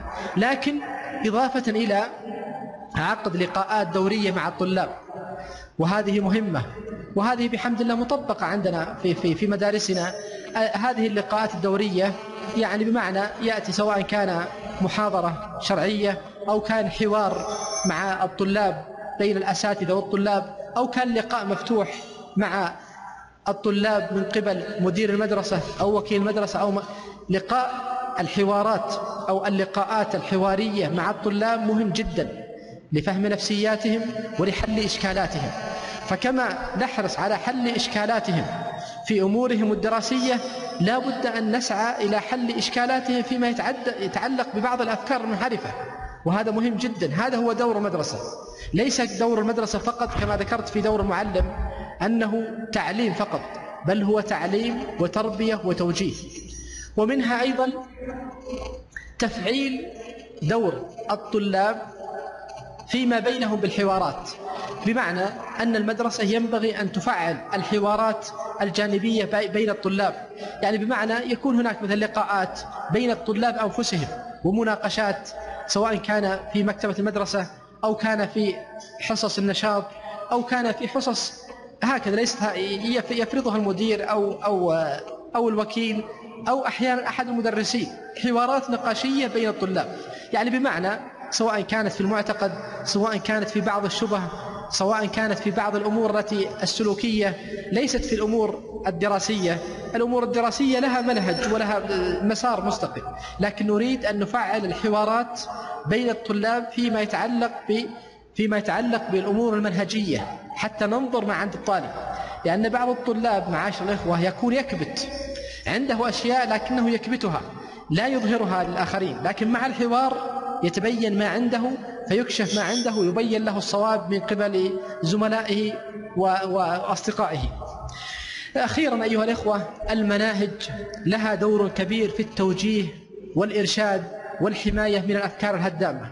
وبحمد الله حكومتنا الرشيدة لا تزال بحمد الله في يعني في في غرس غرس التوحيد وكذلك البعد عن جميع الشبه التي يتعلق بها الطوائف المنحرفة غرس ذلك في المناهج التعليمية.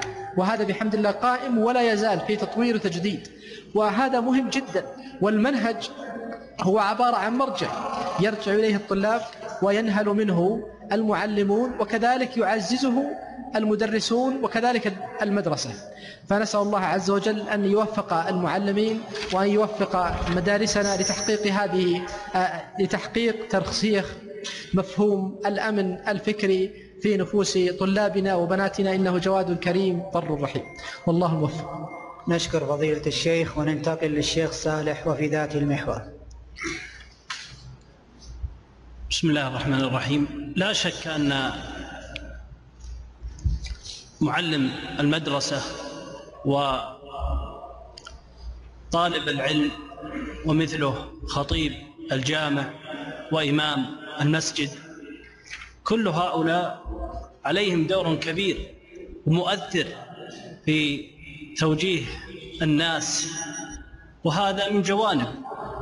الجانب الأول كما ذكر فضيلة الشيخ بندر وهو جانب القدوة. ونخص في جانب القدوة ألا يرى من خطيب الجامع أو إمام المسجد أو المعلم في المدرسة أو غيرهما ممن هو محل للنظر والاقتداء. ألا يرى منه ما يخالف أصول وقواعد الفكر السليم. لأنه يؤثر بفعله قبل أن يؤثر بقوله. بل إنه لا ينظر إلى قوله ما دام أنه مخالف لفعله. ولهذا قال الله عز وجل يا أيها الذين آمنوا لم تقولون ما لا تفعلون؟ كبر مقتا عند الله أن تقولوا ما لا تفعلون. هذا جانب. الجانب الآخر الصدق في التزام قواعد الأمن الفكري وأصوله في نفسه فيما بينه وبين الله عز وجل. أن يكون صادقا مخلصا لله سبحانه وتعالى في ذلك. هو سائر على اعتقاد أهل السنة والجماعة في باب في هذا الباب مبتغيا وجه الله عز وجل محتسبا امتثال هدي ومنهج رسول الله صلى الله عليه وسلم. وأعظم هذه القواعد التي ينطلق فيها وعليها الأمن الفكري أن يحكم المسلم وهؤلاء الذين ذكرنا على وجه خاص وكل مسلم على وجه عام أن يحكم في نفسه كتاب الله عز وجل وسنة رسول الله صلى الله عليه وسلم. لا يتبع الهوى أو يتبع الرأي في مقابل نصوص الكتاب والسنة. ولهذا قال الله جل وعلا وما كان لمؤمن ولا مؤمنة إذا قضى الله ورسوله أمرا أن يكون لهم الخيرة في أن يكون لهم الخيرة من أمره. وقال الله جل وعلا وإنما كان قول المؤمنين إذا دعوا إلى الله والرسول ليحكم بينهم أن يقولوا سمعنا وأطعنا وأولئك هم المفلحون. فيمتثل هؤلاء ويمتثل كل مسلم أمر الله عز وجل في جانب في كل جانب من جوانب الدين وفي هذا الجانب الذي نتحدث عنه على وجه أخص. أن يحذر من الأهواء والبدع والأفكار التي تخالف المعتقد السليم ويحذر من مفارقة الجماعة ومنازعة الإمام الذي هو أعظم سبب من أسباب الإخلال بالأمن عموما والأمن الفكري على وجه أخص وقولنا الصدق في التزام القواعد الصحيحة للأمن الفكري أن يكون كما تقدم مخلصا لا رياء ولا سمعة ولا أداء لوظيفة أو مهمة ولا لأجل أنه عمم عليه مثلا بل يكون هذا ابتغاء وجه الله عز وجل. فإذا صدق الخطيب وإمام المسجد وطالب العلم والمعلم في المدرسة لا شك أن أن الله عز وجل سيبارك في قوله وفعله. لأن البركة إنما تكون بالصدق في اتباع الحق والعمل به.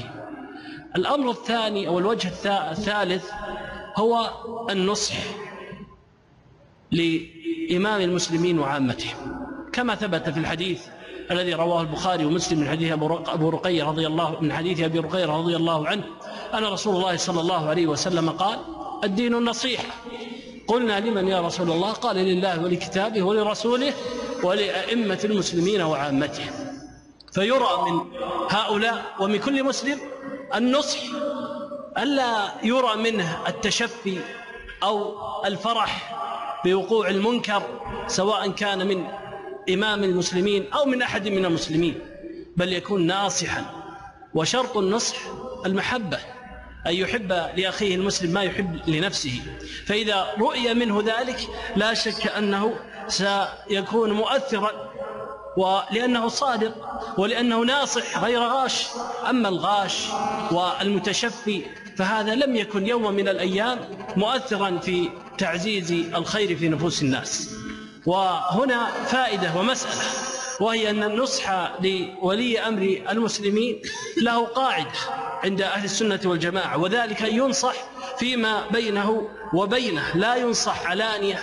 فليس نصيحة الإمام على المنابر بإنكار المنكر بإنكار المنكر تشفيا به أو غيبته على المنابر أو في المجالس إنما ينكر المنكر ممن فعله بغير غيبة وبغير تشفي. ويكون الأمر بينه وبين الإمام سواء كان سرا أو كان علانية أمامه لا في غيبته. وهذا هو الذي عليه أهل السنة والجماعة. وقد أخرج الإمام أحمد في المسند وابن, وابن, أبي, وابن أبي عاصم في السنة وحسنه الألباني رضي الله رحمه الله من حديث عياض بن غن الأشعري رضي الله عنه أن رسول الله صلى الله عليه وسلم قال من أراد أن ينصح لذي سلطان فلا يبده علانية ولكن يأخذ بيده فيخلو به فإن قبل منه فذاك وإلا كان قد أدى الذي عليه. وأخرج البخاري ومسلم من حديث أبي وائل رحمه الله قال قيل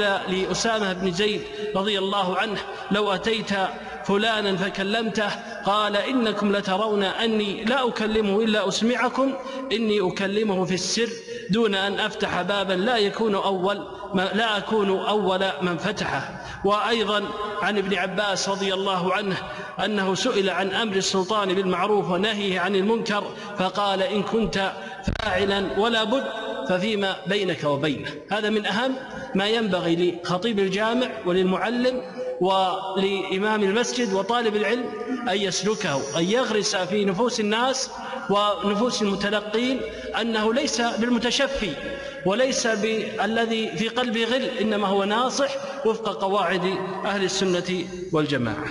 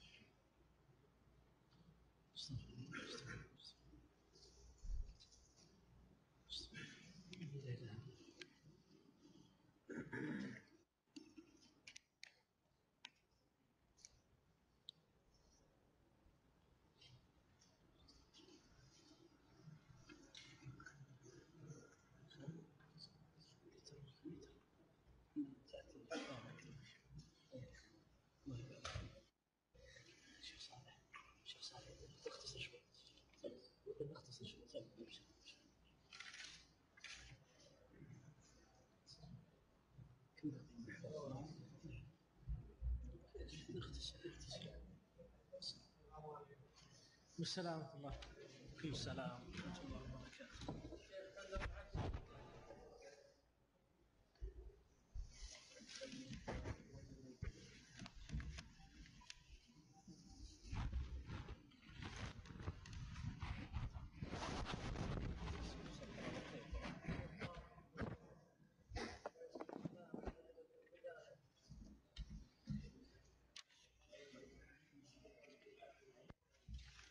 نرحب براعي هذه الندوة الشيخ عبد الله بن عمر بن ربيعان رئيس مركز نفي فأهلا وسهلا به ونعود إلى إكمال محاورنا. أما المحور الثالث دور الأسرة في تنشئة النشء من هذه الأفكار الهدامة وله ست دقائق لثلاث دقائق لكل شيخ. بسم الله الرحمن الرحيم. الأسرة هي اللبنة الأولى من لبنات المجتمع وهي مهمة جدا. تكوينها وتأسيسها مهم جدا لنشأة الناشئة وأفرادها. ولذلك يمكن أن نقسم الكلام عن الأسرة إلى ثلاثة أقسام. القسم الأول في اختيار الزوجة. قال النبي صلى الله عليه وعلى آله وسلم تنكح المرأة لأربع لمالها وجمالها وحسبها ودينها فاظفر بذات الدين تربت يداك. وكذلك قال عليه الصلاة والسلام إذا أتاكم من ترضون دينه وخلقه فزوجوه إلا تفعلوه تكن فتنة في الأرض وفساد كبير. الحديث لا بأس به وهو مرسل لكن معناه صحيح أنه ينبغي اختيار الخاطب ذا الخلق والدين. ثانيا ما يتعلق بالأسرة إذا نلاحظ الأمر الأول في اختيار الزوجة لأن اختيار الزوجة له أثر في صلاح الأبناء. إذا كانت صالحة في نفسها مصلحة صالحة مصلحة لها أثر في. في صلاح أبنائها. وكذا الزوج. إذا أتاكم من ترضون دينه وخلقه إذا كان صالحا له أثر في استقامة أبنائه وصلاحهم. ثانيا في تعامل الرجل مع امرأته وزوجته. عند الدخول بها يدعو الدعاء الوارد ويضع يده على نصيتها. اللهم بارك لي في كما ورد في الحديث. اللهم إني أسألك بخيرها وخير ما جبلتها عليه وأعوذ بك من شرها وشر ما جبلتها عليه وإذا أتاها قال الدعاء الوارد عن النبي صلى الله عليه وسلم لو أن أحدكم إذا أتى أهل أهله قال اللهم جنب بسم الله اللهم جنبنا الشيطان وجنب الشيطان ما رزقتنا فإنه إن يقدر بينهما ولد لم يضره الشيطان أبدا. رواه البخاري في الصحيح. ومنها أيضا عند عند الإنجاب في اختيار المولود في اختيار الاسم الحسن للولد. إنكم تدعون يوم القيامة بأسمائكم وأسماء آبائكم فأحسنوا أسماءكم. وقال عليه الصلاة والسلام أحب الأسماء إلى الله عبد الله وعبد الرحمن. وأصدقها حارث وهمام وأقبحها أفلح لكن المقصود وأصدقها أحب الأسماء إلى الله عبد الله وعبد الرحمن. وهذا يؤخذ منه أنه ينبغي اختيار الاسم الحسن للولد لأن الاسم الحسن يؤثر على نفسيته وله تأثير وله تأثير عليه في تصرفه. وربما يعني يتفاءل بالاسم الحسن ولهذا النبي صلى الله عليه وسلم في في صلح الحديبية لما جاء سهيل بن عمرو وهو مرسل من قبل قريش ماذا قال عليه الصلاة والسلام؟ قال سهل عليكم أمركم يعني تفاءل باسمه لأن اسمه سهل من السهولة واليسر.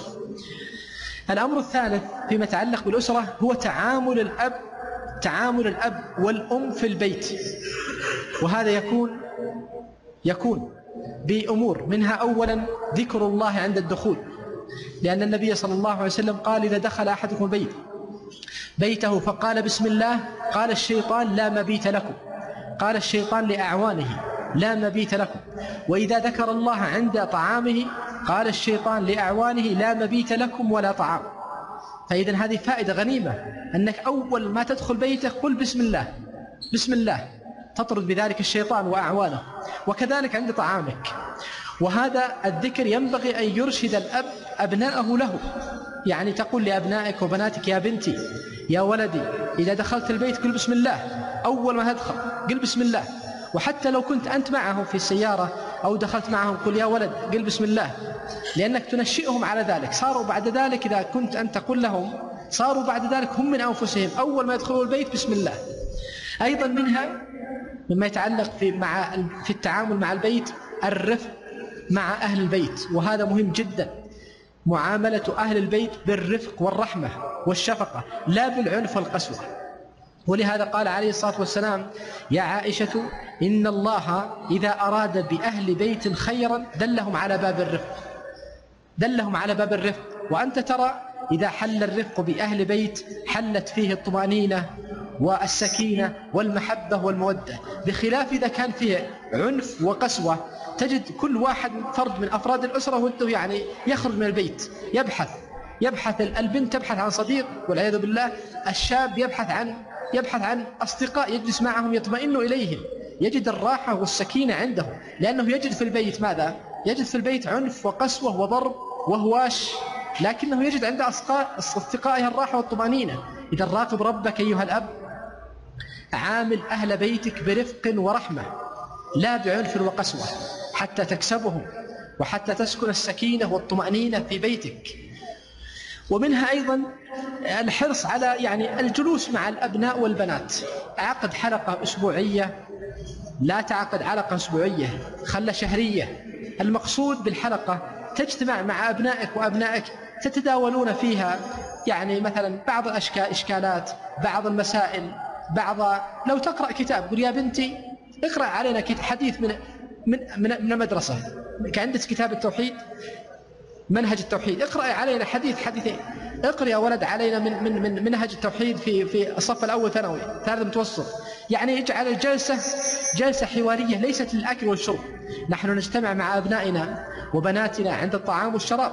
أنا أريد جلسة خاصة ما فيها طعام ولا شراب. جلسة حوارية مع أبنائك. وبناتك. يعني مو بجلسة إفتاء أو جلسة درس علمي لا. المقصود جلسة يعني نقاش معهم يكون فيها أريحية وانبساط. ثم أيضا إذا وجدوا وجدوك معهم بهذه الطريقة يعني ربما البنت تبدي لها أشياء والولد يظهر منه أشياء. فأن تكسم منهم ما تسمعه منهم وتلقيه على إمام المسجد أو على طالب علم حتى يعني يحل لك هذه الإشكالات التي في أذهانهم. وربما توكل أنت توكل البنت أو الولد تقول الجلسة القادمة في الشهر القادم عليك يا بنتي. أنت حضرين لنا حديث والقيه علينا. أو أنت يا ولد يا ولدي فلان الشهر القادم أو الأسبوع القادم الجلسة عليك. تلقي فيها حديث بس حديث هكذا عشان نسولف نبدأ سواليفنا أو حديثنا بحديث. ولهذا قال الله تبارك وتعالى يا أيها الذين آمنوا قوا أنفسكم وأهليكم نارا وقودها الناس والحجار قال علي بن أبي طالب رضي الله عنه علموهم وأدبوهم. ومنها وهي أخيرة الدعاء لهم بالتوفيق والتسديد. دائما أيها الأب أيها الأم إذا أردت صلاح أبنائك وبناتك فتضرع إلى الله بصلاحهم وهدايتهم. وهذا هو دأب عباد الله الصالحين ودأب أنبياء الله والمرسلين وعباد الله الصالحين. رب هب لي من الصالحين.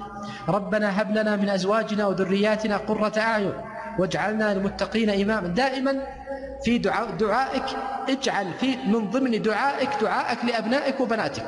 جاء رجل إلى سفيان الثوري وقال يا أبا عبد الله إني أشكو انحراف أبنائي.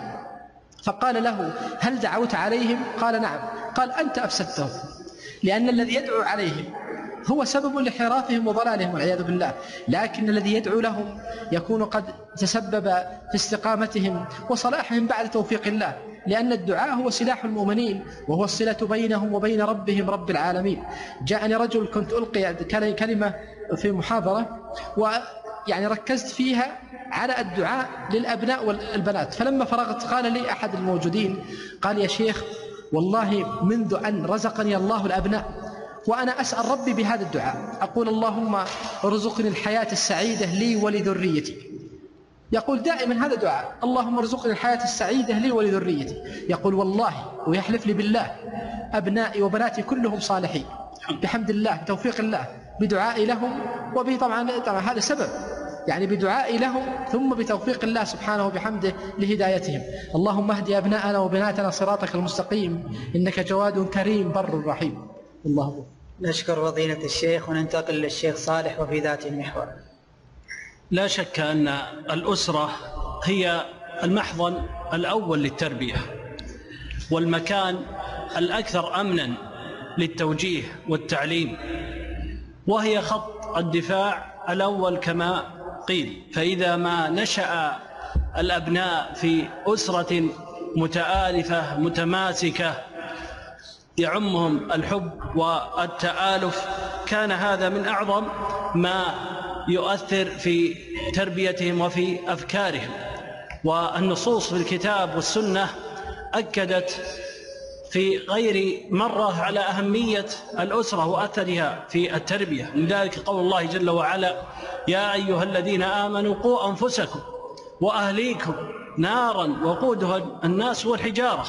أيضا ما رواه البخاري ومسلم من حديث عبد الله بن عمر رضي الله عنهما أن رسول الله صلى الله عليه وسلم قال كلكم راع وكلكم مسؤول عن رعيته وذكر عليه الصلاة والسلام فقال والرجل في أهله راع وهو مسؤول عن رعيته والمرأة في بيتها في بيت زوجها راعية وهي مسؤولة عن رعيتها. فهذه النصوص وغيرها تؤكد على أهمية الأسرة في في في تربية النشء وتربية أبنائها وسلامة دينهم ودنياهم.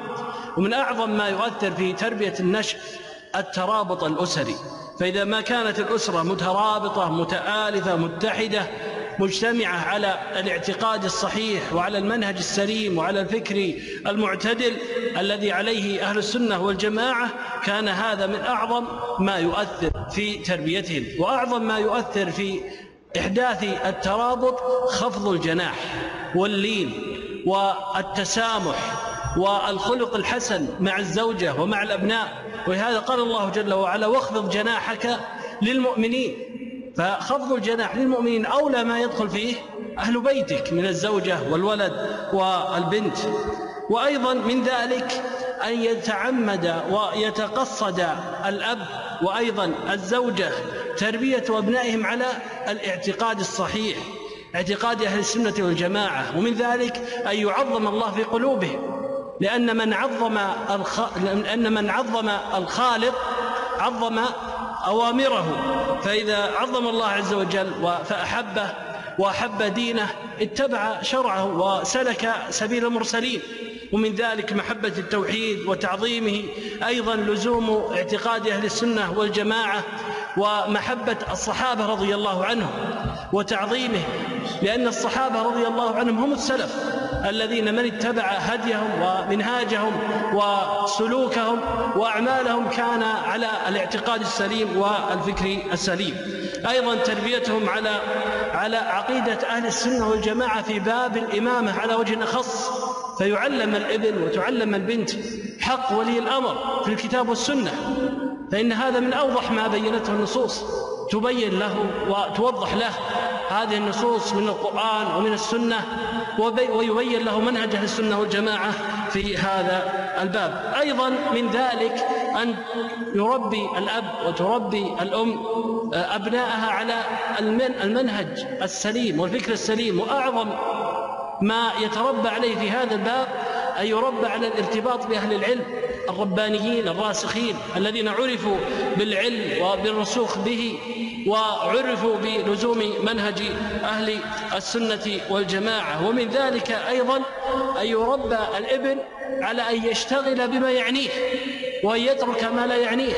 فمن أعظم ما يعنيه في يومه وليلته الفرائض أداء الصلاة مع الجماعة وما يجب عليه في حياته من إن كان طالبا ما يجب عليه في مدرسته وإن كان موظفا ما يجب عليه في وظيفته إلى غير ذلك وهذا هدي نبوي. وقد قال عليه الصلاة والسلام كما روى الترمذي وغيره من حديث أبي هريرة رضي الله عنه من حسن إسلام المرء تركه ما لا يعنيه فإذا كان مسلما حسن في إسلامه في اعتقاده في فكره ترك ما لا يعنيه ولزم وعمد إلى ما يعنيه في يومه وليلته فعمله كذلك مما يربى عليه الإبن مما يحمي فكره أن يربى على الورع أن يربى على الورع وترك المشتبهات والكف عما كان فيه شك. وهذا منهج رباني ومنهج ومنهج نبوي كما ثبت في الحديث عن رسول الله صلى الله عليه وسلم في البخاري ومسلم من حديث أبي عبد الله النعمان بن بشير رضي الله عنه أن رسول الله صلى الله عليه وسلم قال من اتقى الشبهات استبرأ لدينه وعرضه وقال عليه الصلاة والسلام كما عند الترمذي وغيره أن قال عليه الصلاة والسلام دع ما يريبك إلى ما لا يريبك فالواجب أيها الإخوة دائما وأبدا أن نربي أبناءنا على أن ينظروا إلى ما يجب عليهم فعله فيبدأ به وأما ما لا يعنيهم فيدعوه ويتركوه والله أعلم. شكر الله لفضيلة الشيخ. ننتقل وإياكم إلى محورنا الرابع أهمية الأمن الفكري وتأثيره على اللحمة الوطنية ولأهم ولأهمية هذا المحور سيكون له عشر دقائق. ولا شك أن الأمن الفكري له له أهمية في اللحمة الوطنية لأنه إذا صلح الفكر صلح العمل وإذا صلح العمل بدأ الإنسان يفكر بتحقيق حقوق الله وحقوق ولاة الأمر. لأنه لابد مع صلاح الفكر وصلاح العمل أن تحقق هذه الحقوق التي أوجبها الله عليك. حقوق ولاة الأمر وفقهم الله بالسمع والطاعة وعدم الخروج وعدم عدم المساس بأمن هذه البلاد هذه من الأساسيات لأن الله تعالى نص عليها. قال الله تبارك وتعالى يا أيها الذين آمنوا أطيعوا الله وأطيعوا الرسول وأولي الأمر منكم. وأولي الأمر هم العلماء والأمراء. لكن لاحظ أنه لابد لابد إذا صلح هذا الفكر أن تصلح العقيدة وصلحت العقيدة يبدأ الإنسان بتحقيق هذه الحقوق التي أوجبها الله عليه. لأنه إذا انحرف الفكر انحرف العمل. وإذا انحرف العمل انحرف السلوك. وحينئذ الإنسان بدأ والعياذ بالله يتشرب أفكارا منحرفة ويتشرب أفكارا هدامة كما لا يخفاكم الآن بعض الفرق المبتدعة التي ظهرت مثل فرقة داعش لماذا ظهرت هذه الفرقة؟ لأنها ظهرت لما ساء فكرها ساء عملها ولم تقم بالحقوق الواجبة عليها. ولهذا خرجت على ولاة الأمر وكفروا المسلمين وسفكوا دماء الموحدين فأصبحوا والعياذ بالله ضال أصبحوا بهذا الفعل ضالين مضلين. وهم خطر على هذه البلاد بل وعلى بلاد العالم. بهذا السبب لما انحرف فكرهم انحرف عملهم ولم يقوموا بالحقوق التي أوجبها الله عليهم.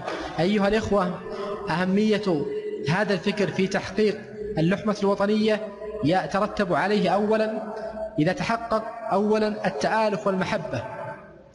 التآلف والمحبة بين الراعي والرعية. ولهذا قال بعض السلف لو أعلم أن لي دعوة مستجابة لصرفتها للسلطان. روي هذا الأثر عن الإمام أحمد رحمه الله وروي عن الفضيل بن عياض وروي عن آخرين. وهذا صحيح لأنه إذا صارت المحبة والمودة بين الراعي والرعية دعا الرعية لراعي لراعيهم بالسداد والتوفيق لأن بصلاح صلاح العباد والبلاد واستقامة الأحوال. ومنها أيضا من فوائد وأهمية الفكر وتأثيره في اللحمة اللحمة الوطنية الاعتصام الاعتصام بكتاب الله عز وجل وسنة رسوله صلى الله عليه وسلم. كما قال الله تبارك وتعالى يا أي واعتصموا بحبل الله جميعا ولا تفرقوا. إذا إذا حصلت هذه اللحمة وهذا الأمن الفكري حصل الاعتصام. حصل الاعتصام وهو من ضمنها. ومنها أيضا من فوائد آه، وتأثيره الأمن الفكري وتأثيره على اللحمة الوطنية الصدق والانتماء للوطن. وهذا لا يخفى أن الإنسان إذا صلحت صلح فكره وصلح عمله صدق أو صلح حينئذ وصدق في محبته لوطنه وانتمائه إليه. ولهذا تجد أن الذين يخرجون عن هذه البلاد ويعني يكفرون مثلا بانتمائهم إليها هو في الواقع عندهم خلل عندهم خلل في فكرهم من الأصل لأن أفكارهم ليست مستقيمة. لما اختل الفكر واختل العمل حصل الانحراف. وعدم الانتماء للوطن. إذا هذه أهم تقريبا هذه أهم الفوائد التي نجنيها من آه، تحقيق الأمن الفكري وتأثيره في اللحمة الوطنية. والله الموفق. شكر الله لكم فضيلة الشيخ وننتقل للشيخ صالح وفي ذات المحور. الحمد لله رب العالمين. لا شك أن اللحمة الإسلامية واللحمة بين أبناء وطن الإسلام أمر واجب. سواء كانوا رعية وعامة الناس أو كانوا كانت كانت تلك اللحمة بين الإمام ومن تحته من عامة الرعية. وهذا مقتضى ما دلت عليه النصوص التي بينت أن المؤمنين بعضهم أولياء بعض كما قال الله جل وعلا في كتابه الكريم والمؤمنون والمؤمنات بعضهم أولياء بعض وهذه الولاية يلزم منها المحبة والنصرة والرحمة والائتلاف والاجتماع وترك الاختلاف. أيضا قال الله جل وعلا إنما وليكم الله ورسوله والذين آمنوا الذين يقيمون الصلاة ويؤتون الزكاة وهم راكعون. ومن يتولى الله ورسوله والذين آمنوا فإن حزب الله فإن حزب الله هم الغالبون. فهذا هو الذي يجب أن يكون عليه المؤمن الذي يجب أن يكون عليه المؤمنون أن يكونوا مترابطين متآلفين. لا تفرقهم المصالح الضيقة ولا غير ذلك بل إن ما بينهم من رابطة التوحيد تجعلهم كالجسد الواحد كما ثبت في الحديث الذي رواه البخاري ومسلم من حديث النعمان بن بشير رضي الله عنه أن رسول الله صلى الله عليه وسلم قال مثل المؤمنين في توادهم وتراحمهم وتعاطفهم مثل الجسد إذا اشتكى منه عضو تداعى له سائر الجسد بالحمى والسهر فتعزيز هذه الولاية بين أهل الإيمان من أعظم ما يحمي المجتمع. ويعزز فيه الفكر السليم ومن أعظم ما يدفع شرور الأعداء الخارجين عنه. ولهذا نهى الله عز وجل عن الاختلاف والتنازع والتفرق وبين أن هذا من أعظم أسباب إدالة الأعداء. قال الله عز وجل ولا تنازعوا فتفشلوا وتذهب ريحكم. فذهاب الريح وذهاب القوة وذهاب الهيبة للمجتمع الإسلامي إنما يكون بسبب التفرق. فإذا تفرقوا دخل الأعداء بينهم وأحدثوا بينهم الضغينة والعداوة ولهذا قال عليه الصلاة والسلام مبينا الآداب التي تجب أن تشيع في المجتمع الإسلامي كما في صحيح مسلم من حديث أبي هريرة رضي الله عنه. قال عليه الصلاة والسلام لا تحاسبوا ولا تناجشوا ولا تباغضوا ولا تدابروا ولا يبع بعضكم على بيع بعض. وكونوا عباد الله إخوانا المسلم أخو المسلم لا يظلمه ولا يخذله. وأيضا في صحيح مسلم وصحيح البخاري من حديث ابن عمر رضي الله عنهما أن رسول الله صلى الله عليه وسلم قال المسلم أخو المسلم لا يظلمه ولا يسلمه. وأيضا في البخاري من حديث أنس رضي الله عنه أن رسول الله صلى الله عليه وسلم قال أنصر أخاك ظالما أو مظلوما. قال رجل يا رسول الله أنصره إذا كان مظلوما أفرأيت إن كان ظالما كيف أنصره؟ قال تحجزه أو تمنعه من الظلم فإن هذا فإن ذلك نصره. فهذا من أعظم ما يقوي المسلمين ويوجب أن تكون جنابهم مهابة ولها من التأثير على الأعداء وهو أن تكون بينهم لحمة محبة. ولهذا جاء في بعض الأحاديث عن رسول الله صلى الله عليه وسلم أنه قال أعظم عرى الإيمان الحب في الله والبغض في الله. فما, فما الذي يجمعك مع هذا المسلم إلا رباط الدين ورباط التوحيد؟ فيجب أن يكون هذا الرباط أعظم من أي رباط. أن يكون ولاء في الله وحبا في الله. ويلزم من ذلك النصح والبيان له إذا أخطأ. وتحذيره من الشر الذي قد يقع به أو يضره. هذا عام أيها الإخوة سواء كان المسلم من عامة الناس أو كان إماما. هذا عام لا يعزل الإمام دونه شيء النصوص عامة. إذا كان المسلم إذا كان الإمام من أهل الإسلام من أهل التوحيد فالواجب الولاء له والمحبة في الله والنصح والبيان له إذا أخطأ. كل ذلك على وفق قواعد أهل السنة والجماعة ومنهاجه شكر الله لفضيلة الشيخ أيها الإخوة الكرام أيها الحضور. أما الآن ننتقل إلى المحور الأخير وهو دور المواطن في تعزيز الأمن الفكري. ولهذا المحور ست دقائق بإذن الله عز وجل. أما ما يتعلق بدور المواطن في تعزيز الأمن الفكري فهذا ممكن نلخصه بالنقاط الآتية. بالنقاط الآتية الأمر الأول تحقيق أولا تحقيق التوحيد وإصلاح النفس. لأن الإنسان يحاول جاهدا أن يحقق التوحيد في نفسه ويحاول جاهدا أن يصلح نفسه. أر الله من نفسك خيرا. أصلح علاقتك بالله في توحيدك وفي إخلاصك وفي عبادتك. أنت تعجب من بعض الناس الذين ربما يكون عندهم مثلا عندهم لوثة في عقيدتهم. وتعجب من بعض الناس الذين يعني يتكاسلون في أداء العبادات على الوجه الأكمل لا سيما الصلاة. هذه الصلاة صلة بينك وبين الله. فليكن فأر الله من نفسك خيرا في إصلاحها وإتقانها وحضور القلب فيها واستشعار عظمة الرب عند أدائها لأن هي هي عمود دينك. إذا صلحت صلح سائر عملك وإذا فسدت فسد سائر عملك. لا في إتقانها ولا في أدائها ولا في حضور القلب فيها ولا في خشوع وأدائها مع الجماعة عند سماع النداء. ومنها أيضا مما يتعلق بدور المواطن تحقيق انتمائه للوطن. أنت لا يخفاك أن انتمائك لهذا البلد هذا من نعم الله عليك. فأر الله من نفسك خيرا في انتمائك وصدق ولائك.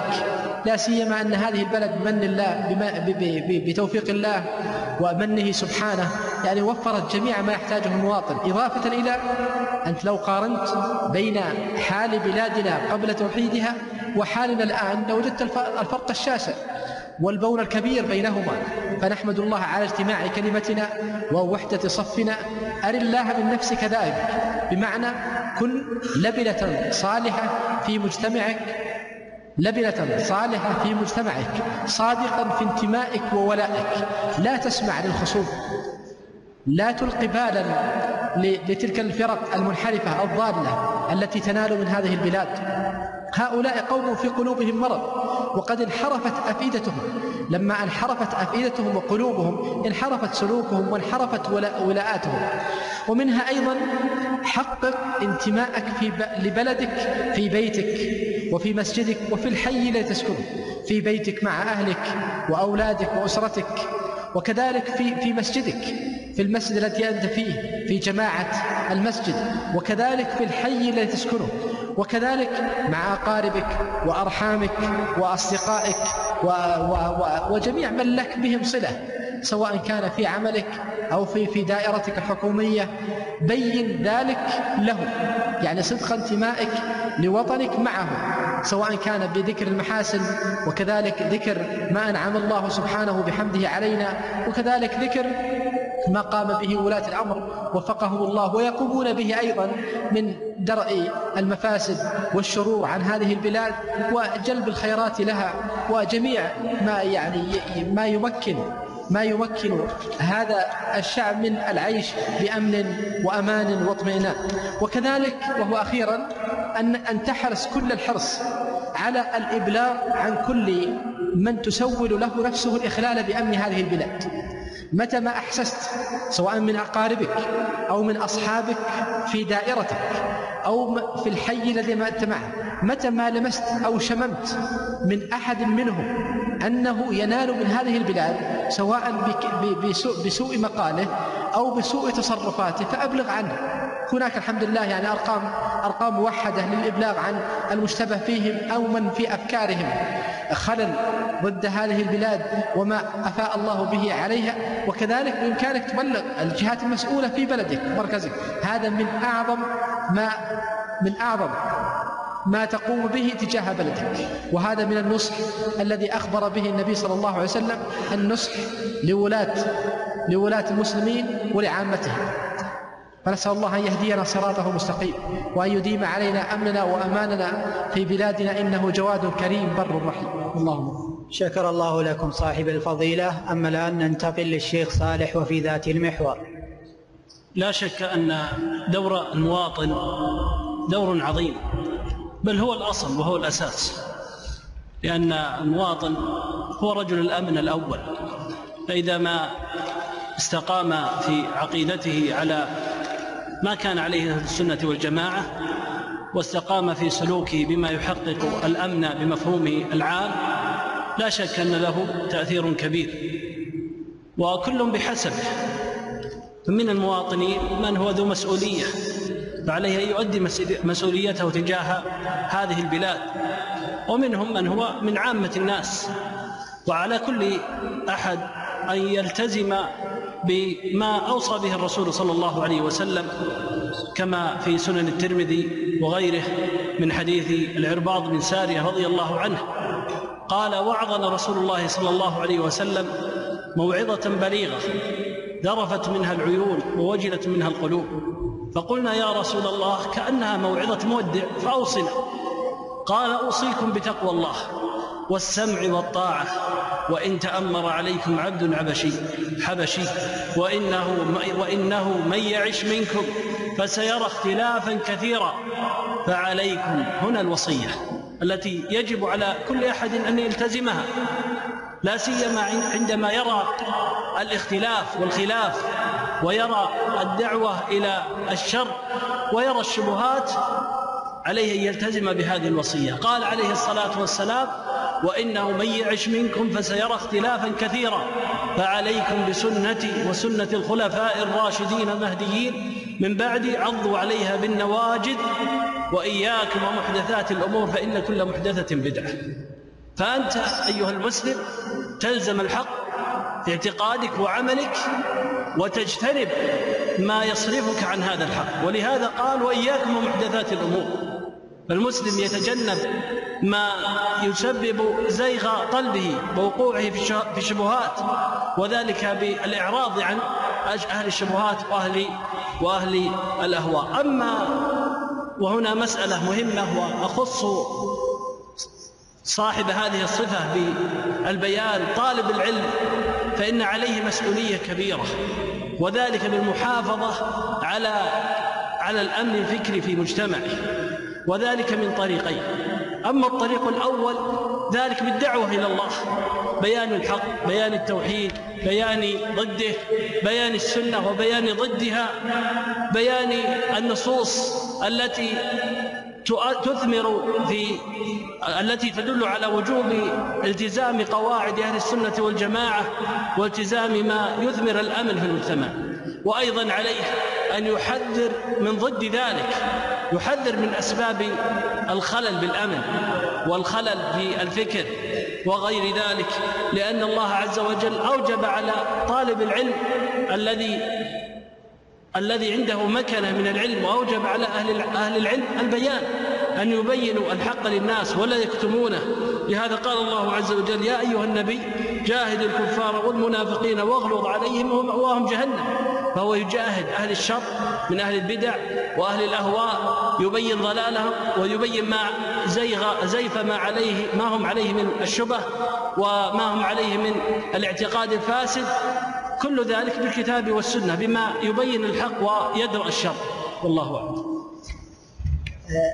نشكر أصحاب الفضيلة المشايخ على ما قاموا به من طرح في الحقيقة وردنا أسئلة كثيرة سنقتصر على بعض منها. فالسؤال الأول سيكون لصاحب الفضيلة الشيخ بندر العبدلي يقول السائل فضيلة الشيخ جزاكم الله خيرا. السلام عليكم ورحمة الله وبركاته. في مثل تلك الندوات نرى أنها تصل للفرد والنساء مباشرة. لماذا لا نرى مثل تلك الندوات للمدارس والدوائر الحكومية والمساجد؟ وختم سؤاله السائل ونشكر جمعية البر الخيرية بنفي وندعوها إلى مثل تلك الندوات وجزاكم الله خيرا. أحب أن أضيف إضافة يسيرة. أن أول جمعية على مستوى المملكة العربية السعودية أن تقيم ندوة عن الأمن الفكري تستهدف بها جميع شرائح المجتمع. وهذه بادرة طيبة لجمعية البر الخيرية بنفي وهذه تشكر هذه تذكر لهم فتشكر. ولعل إن شاء الله تعالى هذا يسير عليها على حذوها جمعيات البر في المحافظات الأخرى. ما ذكره السائل صحيح لكن في بحمد الله هناك جهود في مركز الأمير محمد بن نايف مع بعض يعني مع مع وزارة التعليم نشر مثل هذه الندوات والمحاضرات في المدارس مدارس الأبناء ومدارس البنات. وهذه بالحمد لله موجودة. هي كما تفضل السائل موجودة في مثل هذه المجمعات ومساجد لكنها أيضا بحمد الله موجودة في المدارس البنين والبنات. فأنا أطمن الأخ السائل وأشكره على ثنائه وإطرائه وأقول له مثل هذه الندوات؟ لها بحمد الله. يعني لها ثمار طيبة وهي موجودة في مدارس الأبناء والبنات كما ذكرت. حقيقة وردنا يعني طلب من والد الجميع الشيخ عبد الله بن ربيعان بن ربيعان وهو يقول نامل من صاحب الفضيلة الشيخ محمد إبراهيم الحيدب أن يعدنا بندوة عن الأمر الفكري في الأيام القادمة. والشيخ موجود الشيخ محمد موجود هذا هو. فنحن ناخذ ناخذ ناخذ إذن من الشيخ محمد وهو موجود. اذا لازم إن شاء الله يوعدنا الشيخ. الله يكرم الشيخ السؤال الآخر الشيخ صالح. آه، حقيقة السؤال طويل لكن نريد باختصار آه، حقيقة. ما الذي جعل آه، الفرقة الذي خرجت حديثا داعش تستبيح الدماء؟ هل هناك مخدرات إلكترونية كما يقال أو يروج له؟ ما هو سبب الخلل الذي جعل هذه الفرقة تكفر المسلمين وتستبيح دماءهم؟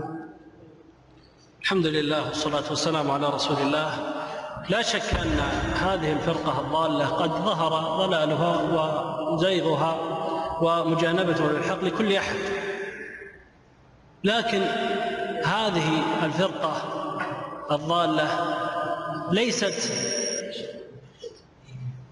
ليست بأمر غريب لأن أمثالها حدث في قديم الزمان وفرق الخوارج قديمة وقد أخبر عليه الصلاة والسلام أن الخوارج كلما خرج منهم قرن قطع فهم يخرجون بين الفينة والأخرى. لكن ثمة جامع سبب جامع يثمر أو يؤدي إلى أن يقع المسلم في الانحراف عموما. ومن ذلك أن ينحرف إلى هذه الفرقة الداعشية أو غيرها من الفرق. من هذه الأسباب أو هذا السبب الجامع هو الانصراف عن العلم النافع. لا شك أن العلم النافع هو علم الكتاب والسنة علم الوحي الذي ينطلق من قواعد صحيحة.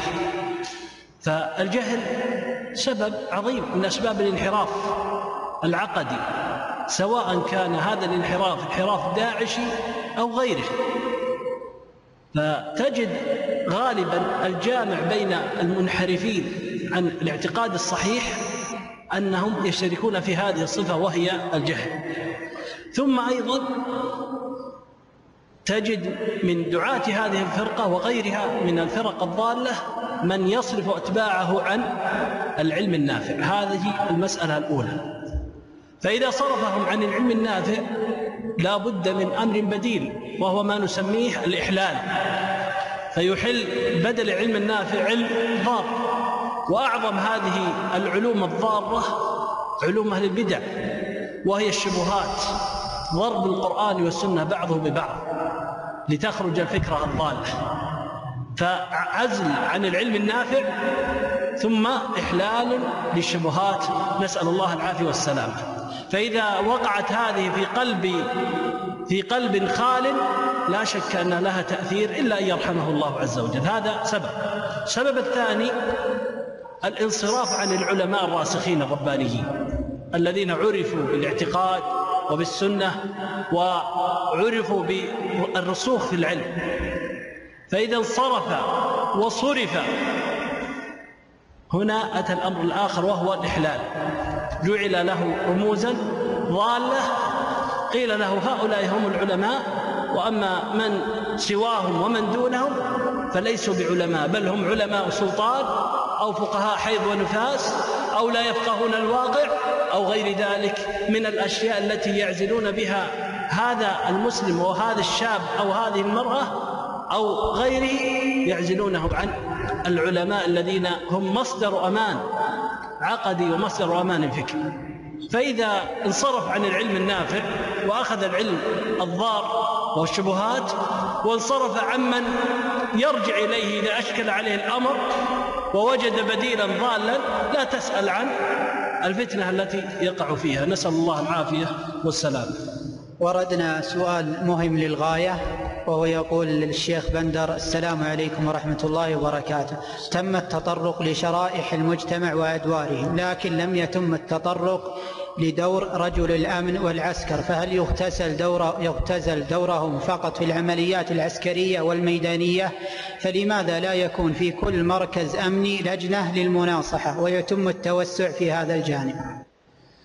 الواقع ما ذكره السائل صحيح لكن إحنا قبل ذلك نقول كل كل مواطن فهو رجل امن كل مواطن فهو رجل امن رجال الأمن ليس مخصوصه فقط بالرجال الأمن المسؤولين الرسميين لكن على كل حال كل واحد على ثغر من ثغور هذه البلاد. صحيح رجال الأمن هم مكلفون رسميا وفي فيه الحمد لله يعني جاء التواصل بين رجال الأمن وبين كذلك مركز الأمير محمد بن نايف في هناك الحمد لله يعني فيه لقاءات وفيه كذلك ما يتعلق بورش عمل وفيه كذلك ما يتعلق بدورات تدريبية لبعض يعني دورات تدريبية في الأمن الفكري لرجال الأمن.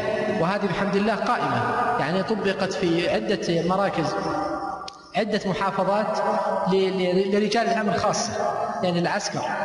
لهم لهم يعني دورات تدريبية يقوم بها بعض أفراد لجان المناصحه التابعين لمركز الأمير محمد بن نايف للرعايه والمناصحه المقصود أن هذا قائم بحمد الله وكما ذكر السائل لكن أعيد وأكرر أن كل واحد منا عليه مسؤولية والمواطن هو رجل الأمن الأول لكن لا شك أن العسكريين لهم عليهم مسؤولية أكبر لأنهم بحسب مسؤوليتهم وبحسب عملهم الرسمي لابد يكون لهم أيضا جانب من التوعية في هذه الأمور. التوعية بالامن الفكري والتوعية بما كذلك ببعض الأفكار الهدامة والتوعية بكيفية التعامل مع من يعني يحصل منه إخلال بالأمن. وهذه طبعا معلومة عندهم وعندهم فيها أيضا كذلك يعني تعليمات خاصة. لكن نحن نأخذها من ناحية الفكر ما يتعلق بالجانب الفكري. وكما ذكرت وأعيد أقيمت عدة دورات وورش عمل في لجانب من قبل لجان المناصحة لبعض منسوبي الأمن. والله أعلم.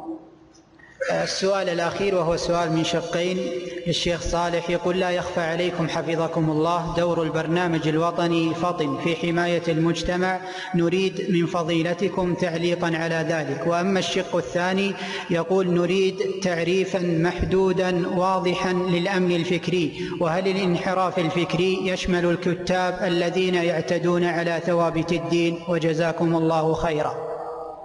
الحمد لله رب العالمين. لا شك أن هذا البرنامج الذي ذكره السائل برنامج مهم جدا وبمن الله عز وجل وبتوفيقه أنه وفق المسؤولين في وزارة التربية والتعليم إلى إقرار هذا البرنامج. وأهميته أنه أنه موجه إلى إلى النشء وهم طلاب في المراحل الإعدادية الابتدائي والمتوسط والثانوي.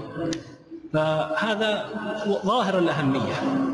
أما سؤال شقه الثاني وهو قوله أن الأمن الفكري هل هو يشمل الكتاب أو غيرهم؟ نعم لا شك نحن وضحنا أن الأمن الفكري مفهوم يعني لزوم اعتقاد أهل السنة والجماعة والفكر المعتدل.